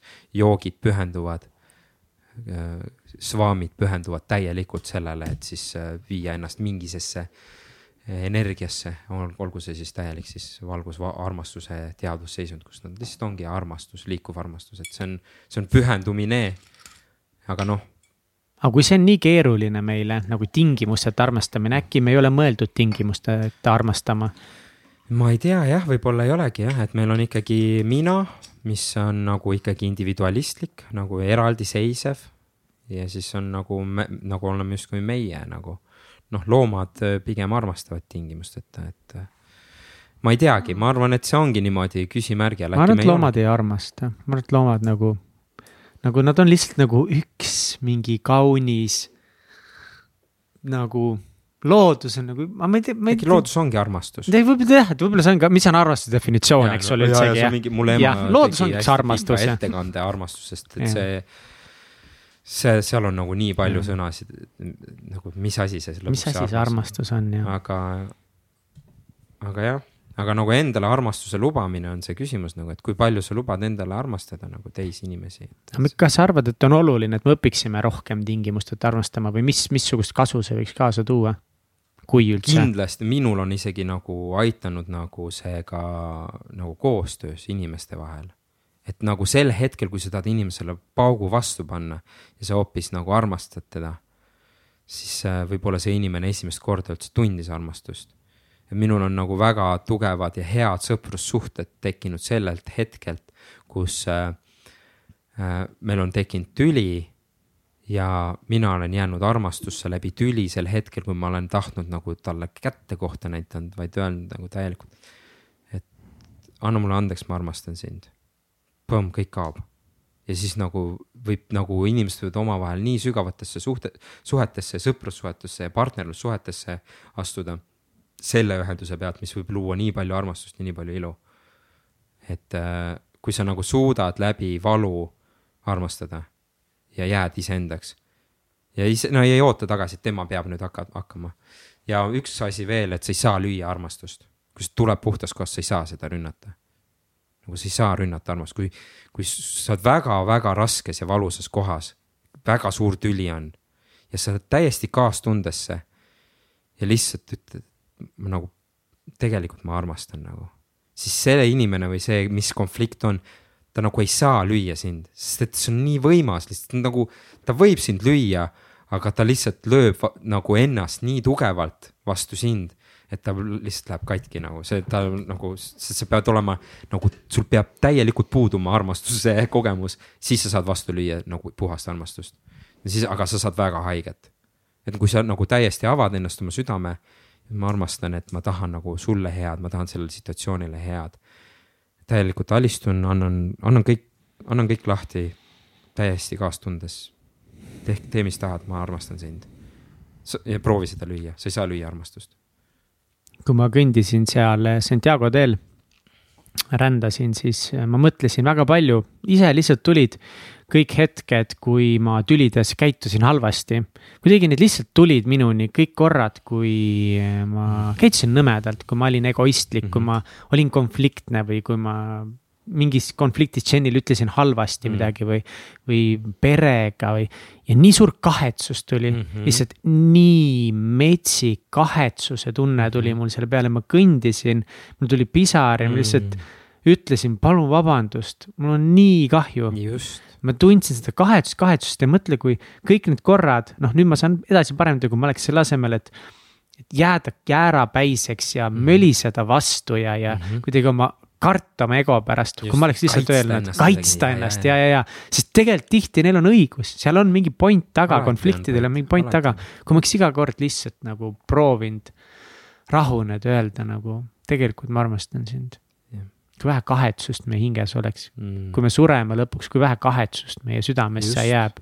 väga ilus, aitäh sulle, Mihkel, väga ilus jagamine. mul tuli ka nüüd pisar mm.. Nii palju kordi, kui me oleme nii halvasti käitunud. vot, et see. ja lõpuks me teemegi iseendale haiget sellega. ja noh, need, needsamad kogemused mina olen saanud selle läbi tseremoonia ja sina said läbi palverännaku, et need, neid viise nagu ennast realiseerida ja endast teadlikuks saada, oma pimedust saada, on miljoneid. okei okay,, võib-olla tuhandeid palju. palju, jah variatsioonidega, aga, aga nagu lõpuks me tahame armastada, me tahame ju head hingest Mm. ja ka kõige pimedamad inimesed, kes tegelikult teevad hästi hullult halba, need on ju tegelikult, nad ei ole armastust saanud kogeda, nad ei tea, mis asi see on ja ka nemad tahavad armastust kogeda. Neid ei armasta mitte keegi. sest nad on nii halvad olnud ju, sest see ei ole ühiskonna norm, sa ei saa nagu minna selle vastu. aga ju vaikselt natuke võib ka neid armastada, sest et seal taga tegelikult on hing, kes ei ole kogenud armastust millest sa unistad, Tõnis? jah, no me vist praegu saimegi selle nagu enam-vähem ära rääkida, mina täna nagu olen sellel teekonnal, et äh, saada veel puhtamaks, empaatilisemaks, veel äh, rohkem harmooniliseks inimeseks. Äh, kus ma nagu mm, kogeksin veel rohkem no see, see ei, ei ole nagu otseselt tingimus, aga lihtsalt luua enda ümber rohkem ilu ja armastust ja headust, nii palju, kui ma oskan oma sellise teadusseisundiga, nagu ta praegu on. eks mul ikka tulevad sisse mingisugused viperused ja ego sõidab sisse ja tahab oma asja saada. inimene ikkagist. ikkagist inimene ja ma täna olen sellel teekonnal, kus ma puhastan äh,, puhastan ennast, saan järjest teadlikumaks, lähen rohkem enda sisse kus, kus on, kus ma olen haiget teinud, palun vabandust ka täna siin, kui keegi kuulab, kellele ma olen haiget teinud. ja ükskõik, kas oma sõnadega või tegudena või tegemata jätmisega või ütlemata jätmisega. ma kogu südamest palun vabandust ja ma kogu südamest tegelikult armastan teid nii sügavalt, kui ma oskan. ja ka lubadused, mis ma olen jätnud täitmata, siis palun vabandust nende eest, et ma võtan need lubadused tagasi ja ma palun nendest täielikult vabandust, nii palju, kui ma saan. jah, et see minu unistus on jah, lihtsalt, lihtsalt kuidagi elada ja kogeda nagu ilusamat, järjest ilusamat elas, elu, elada, elada paradiisi maa peal. manifesteerida seda paradiisi maa peal, mitte kuskil mujal mm. -hmm. saame hakkama küll. paradiis maa peal. ma olen, ma olen läbi tänaseks. super, kas välgutame ka või? Välgutame ähm,. Tõnis sa muudad mind ka nii sentimentaalseks. aitäh sulle, Mihkel. usud olete lihtsalt. Äh, ja võtame, võtame lonksu vett, tule mulle ka. küsi, Mihkel, sinu küsimuse täna. see läks kuidagi väga sügavale täna. kas sa tahad ka? katsil on. mul on hästi mm., mul on see mullivesi siin sees praegu kas sul on olulisi harjumusi või rutiine, mida sa teed igapäevaselt või iganädalaselt? kui väga aus olla, siis praegu ei ole, aga äh, looduses käimine meeldib mulle, kitarri mängimine äh,, muusika, muusika kogemine, muusika loomine äh,. medit-, meditatsioonid, puhastused erinevad kus ma viin ennast siis äh, äh, mingit puha-, puhastusseisunditesse, kus ma hingan läbi mingeid pingeid kehas. ja ikka, ikka on, hingamine on näiteks üks äh, väga tugev töövahend, mida ma olen oma püüdnud oma igapäevaellu integreerida. see on nagu vahelduva eduga, vahepeal tuleb, vahepeal ei tule, et mul distsipliin ei ole väga tugev, aga, aga ma alati leian hingamise ülesse, kui on väga raske hetk. Et siis äh, hingamispraktikat, vabastav hingamine, hästi tugev tehnika. vabastav hingamine mm.. pean selle vabastav hingamise üles otsima, sa mainisid seda mitu korda. vaata, äkki on laual praegu et ruttu üles. et äh, hingadki, hingadki vabaks. Tõnis saab meile teha siin mingi, kunagi mingi. jah yeah., saame äkki, äkki hingata, ma ei ole õppinud, aga ma olen ise praktiseerinud. täpselt, sa saad jagada meiega enda. vot seda ma tahaks küll õppida, ma tahaks õppida vabastavat hingamist nagu rohkem teada saada, et mis see tegelikult on, ma olen nagu reaalselt praktiseerinud ja teinud mm -hmm.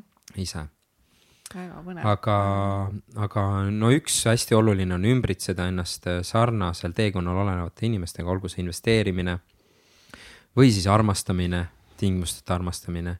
et siis, kui on veel inimesi, kes seda soovivad ja tahavad oma ellu luua ja meie reaalsusse luua, siis nendega koos seda teha. üksteist armastada see on äge praktika, lihtsalt leia need inimesed, kellega koos mm. edasi liikuda. ma arvan, et ma ei taha seda järgmist küsimust küsida, ma arvan, me peaks selle ära vahetama. võta üle järgmine ähm,.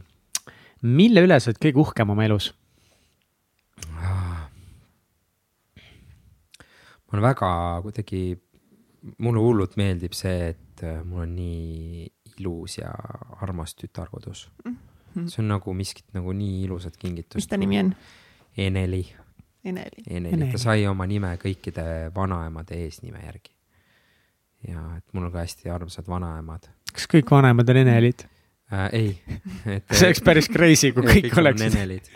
et meie üks vanaema on läinud, et ära praegu Anne ema, väga armas, väga armas hing, et äh, rahu talle. aga teised kõik kolm vanaema on elus.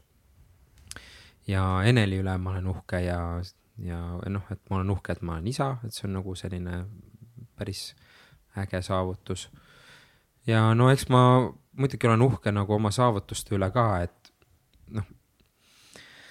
ma olen nagu, ma võiksin nagu täiega öelda, ma olen täiega uhke mingi investeerimisklubi eest ja see, aga nagu, kui ma täna nagu teadvustan, et kas ma nagu, nagu olen nagu teinud kõike maksimaalse puhtusena, vaata. et kui me see, mis me täna rääkisime, siis eks ma nendes osades olen uhke, kus ma olen puhtalt teinud kõike. aga need osad, kus ma võib-olla olen nagu kannatusi loonud, siis võib-olla nagu nii uhke ei ole, et siis ma nendest palun vabandust. aga nagu need iga kord, kui, mida rohkem teadlikumaks ma saan nagu sina said näiteks oma, on ju, elukaaslase suhtes teadlikuks, mille nagu, et sa olid nagu halvasti käitunud. sest selle uue teadlikkusega, siis võib-olla nüüd tulevikus ma saan ka aru, et võib-olla mõni asi, mida ma teinud, oleks võinud teha nagu teistmoodi, mitte nii üle nagu, üle nagu laipade. Jah, aga see ei ole, see ei oleks juba viinud täna sind siia, kus Just. sa oled nagu täna on ju, jagades neid kogemusi, eks ole? Aga..., ja see, et sa ei ole kõike teinud puhtast energiast minevikus neid ei vähenda kuidagi sinu neid saavutusi, mis on näiteks investeerimisklubiga loonud ja teinud, nagu see ei vähenda neid, ma arvan, sa peaksid täiega uhke olema selle üle, come on, nagu mida Veiki fucking investeerimisklubi vennad lihtsalt et nagu kui palju väärtust äh, oled sulle, sina see... ja teised loonud. väärtusloome on metsik, teil on metsik väärtusloome. retsid vanad lihtsalt. ja te õpetate õpetate inimestele ka peale selle, et, et nagu asi ei ole kuidagi, vaata, asi ei ole nagu rahas mm, -hmm. selles mõttes, et nagu raha on okei okay ja, ja ongi, et nagu te võib-olla noh, investeerimisklubi ja kõige selle ümber ei ole nagu nii palju see spirituaalset poolt. aga see, kuidas te teete seda, need inimesed, kes seal koos on, ma kunagi ei tunne, et see on nagu puhtast ahnusest. kindlasti ja, on seal inimesi, kes on ahned, kindlasti on, aga see on fine, aga, aga see core mm. nagu see essence, energia on ikkagi Võt see, et elada nagu hästi, elada nagu harmoonias, see ongi ja. olnud, selle üle ma olengi uhke. ja vot seda et, ma tunnen mm, seal. see, et selle ja. üle ma olen uhke, et me, et Markol on ka väga võimsad sellised printsiibid, kuidas ta elu elab ja seda on nagu ilus, et me nagu see sümbioos ja koostöö on nagu loonud ikkagi nagu häid asju, et me oleme nagu head, headusest lähtunud seal.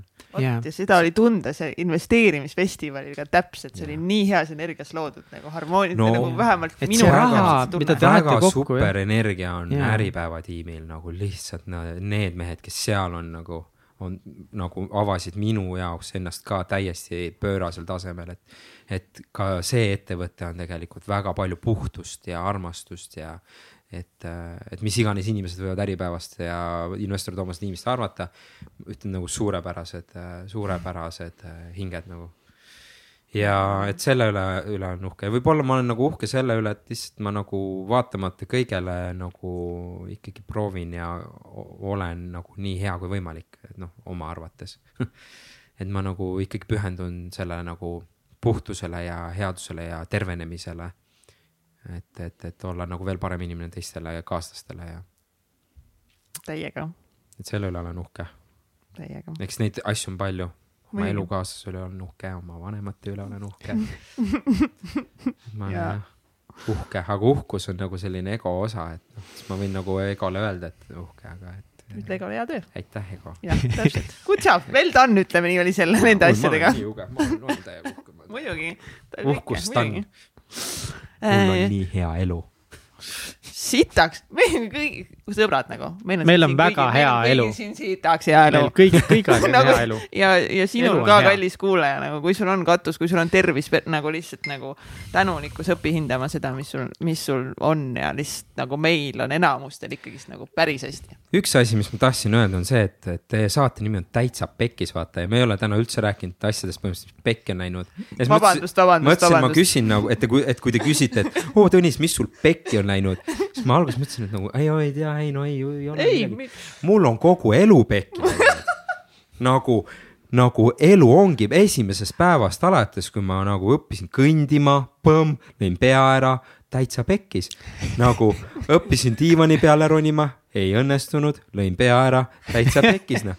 mul on nagu ainult pekki minemised nagu selles suhtes, et nagu elu ongi üks pekki minemist, aga mis ma näen nagu seal on kaks nagu vaadet. üks on see, et sul läks pekki, teine oli see, et sa õppisid, eks ole, et sa kogesid, sa õppisid. ehk siis mis iganes, sul oli mingi tüli, et see läks pekki, aga, või siis oli hoopis mingisugune õppimise koht, et. et siis ongi, et tegelikult nagu justkui ongi täitsa pekki läinud asjad. aga samas tegelikult ei ole ka, et see ongi osa protsessi, et ei saagi ja. nagu, et ja ne, ma näengi, et need inimesed kannatavad, kes ei äh, tunnista pekki minemisi, need kannatavad. ei, ma ei saa, kuidas ma nüüd eksisin niimoodi ja see tuleb kuskilt ilmselt koolisüsteemist, nii, nii, seda me ei räägi mm., aga aga tegelikult ongi elu, see on kõige ägedam koht, kui kõik läheb pekki nagu, nagu võikski kõik pekki minna kogu aeg, siis sa õpid. aga samas mitte hoida nagu seda nagu haletsust teadusseisundit. mitte jääda sinna teada selle pekkis seisundis, et kõik on nagu pekkis ja elu juhtub pekkis. nagu minuga. Läks pekki, tõusin üles, läksin edasi. täpselt, nagu Tõnis, lihtsalt. pool nägu oli halvatud kuus kuud tebrekas ja, ja. Lähme edasi. Lähme edasi, täiega kütame. aga kõikidest nendest selgitustest, mis on kõige pöörasem asi, mis sa elus teinud oled ja kas sa teeksid seda uuesti hmm.?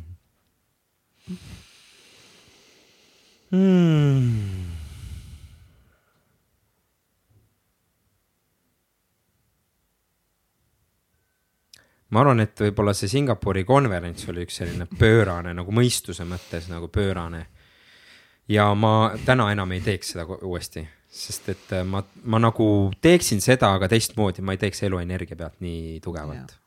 et, äh, et, ähm, et pigem nagu prooviks ikkagi rütmis ja harmooniliselt asju luua. mis on edu võti mm? -hmm.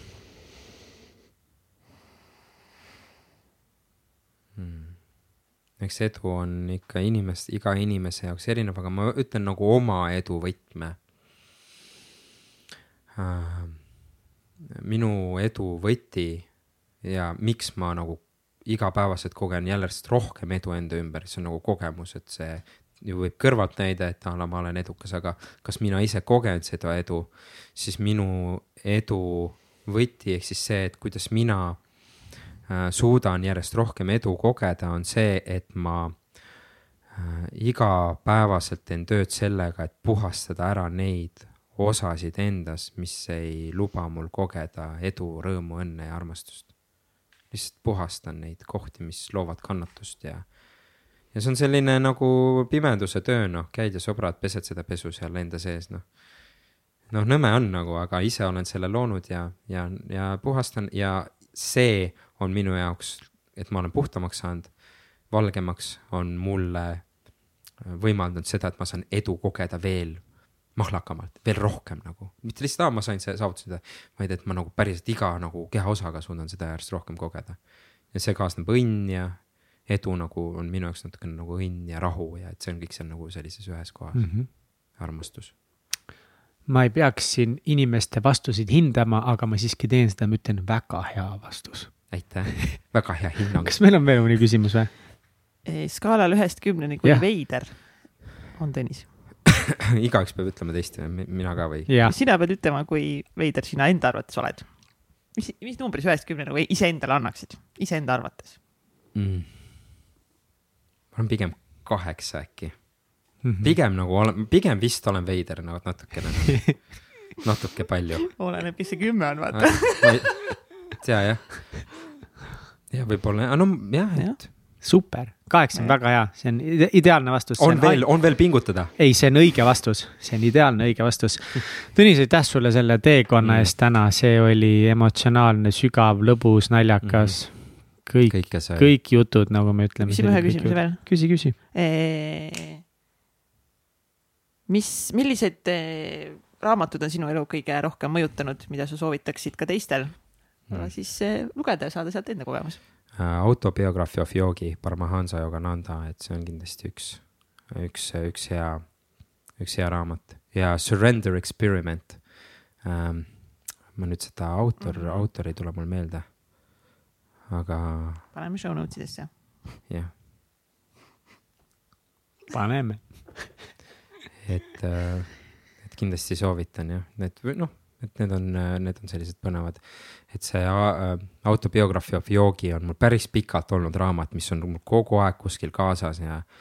ja ma teda olen nagu studeerinud ja ka see vibe ja see teadvusseisund, mis selles raamatus kirjas on. et nagu ma pean veel sinna kasvama nagu, et nagu ma küll loen teda ja studeerin, et seda saab nagu kogu aeg lugeda ja, ja veel rohkem vastu võtta seda, mis seal kirjas on et siis äh, alguses ma ei suutnud üldse seda vastu võtta, seda informatsiooni, mida see raamat endas sisaldas mm. ja seda energiat. ja siis no, ma suudan järjest rohkem ja rohkem, ilmselt ma arvan, piibliga võib sarnane olla, et ei suuda vastu võtta ja siis loed ja siis mingi hetk võid veel rohkem vastu võtta, et. ja hakkad, noh, ise kasvad ja. ja ise kasvad ja, ja saad ja, nagu ise õppida sealt kuskilt. eks see on paljude raamatutega ongi nii, et et ei tasu kohe nagu ka hinnata seda mingit raamatut, kui see esimesel lugemisel võib-olla sinuga kohe resoneerub. Praegu aeg, praegu aeg. see ei ole praegu selle raamatu aeg. kus meie aeg. kuulajad sinu tegemistel saavad silma peal hoida, kui saavad um,? ma arvan, äkki investeerimisfestivalil, investeerimisklubis. et ma praegu ei ole nii aktiivne, et investeerimisklubi põhitegevus on Tallinnas, mina ise olen praegu Tartus aga kas investeerimisklubi nagu klubina toimetab, mingi hetk te tegite pausi ju? praegu ei toimeta, et. ei toime, ei toimeta ikka jah? toimuvad tublid podcast'id, et podcast'e saab praegu järgi kuulata. väga head podcast'id, soovitan kuulata. Need on päris lahedad. Äh, praegu Markos ja Paavo ja Marko on ikkagi korraliku töö siin, siis on hästi sisukad, väga tugevad podcast'id. et aitäh ka kõikidele esinejatele, kes on podcast'is käinud ja seda sisu jaganud. see on ka nagu osa, et ei ma kunagi tegin uuringu, et vaatasin, et kui, kuidas jõukus ja õnnelikkus omavahel nagu korreleeruvad, et siis öelda noh, statistiliselt, mitte nagu noh, nii-öelda kvalitatiivselt. ja siis äh, ma võtsin nagu justkui selle World Wealth Databook'i ja siis maailma kõige õnnelikema riikide nagu selle nimekirja ja siis vaatasin, mis nende vahel nagu see ühist on ja siis äh, ma seal nagu märkasin, et need riigid, mis on jõukamad kus see nagu noh, jõukuse tase on suur, need on ka õnnelikumad, no mis on iseenesest ka mõistetav, neil on põhivajadused nagu rahuldatud, et siis tegelikult jõukusel on nagu ka õnnega ikka mingi, mingisugune seos on, et ta nagu õnnelikuks ei tee, aga ta nagu jah, ta nagu aitab kaasa sellele, ütleme nii. aitab kaasa nagu võib-olla rohkem vabadust. kui sul ei ole kodu, kus sa ennast hästi tunned ja sul ei ole süüa, ega sa siis väga õnnelik ikka ei ole no ei ole üldse. et nagu sa ütlesid, baas, et see baas peab ikkagi olema ja. nagu täidetud. peab ikka püüdma jah. muidugi. okei okay,, kuule, lõpetame ära tänaseks. sõbrad, aitäh, Tõnis. aitäh, aitäh sulle täiega lihtsalt. aitäh ja. selle ruumi eest ja aitäh jagamast, aitäh selle aususe eest ja aitäh pisarate eest ja aitäh. aitäh selle tervenemise eest aitäh, kallis eh, kuulaja, eh, et sa meiega selle tänase teekonna kaasa sõitsid ja kui sa täna said siit endale paar head mõtet või tundsid ennast ära või sul oli lihtsalt meiega tore olla, eh, siis jaga seda saadet vähemalt ühe enda sõbraga ja jaga ka Instagramis muidugi, tag'i siis me saame rohkemate inimesteni jõuda, rohkem armastust jagada üksteisele. nii et aitäh kuulamast. ja ära unusta, sa oled piisav. jah, sinust piisab. Ma olen piisav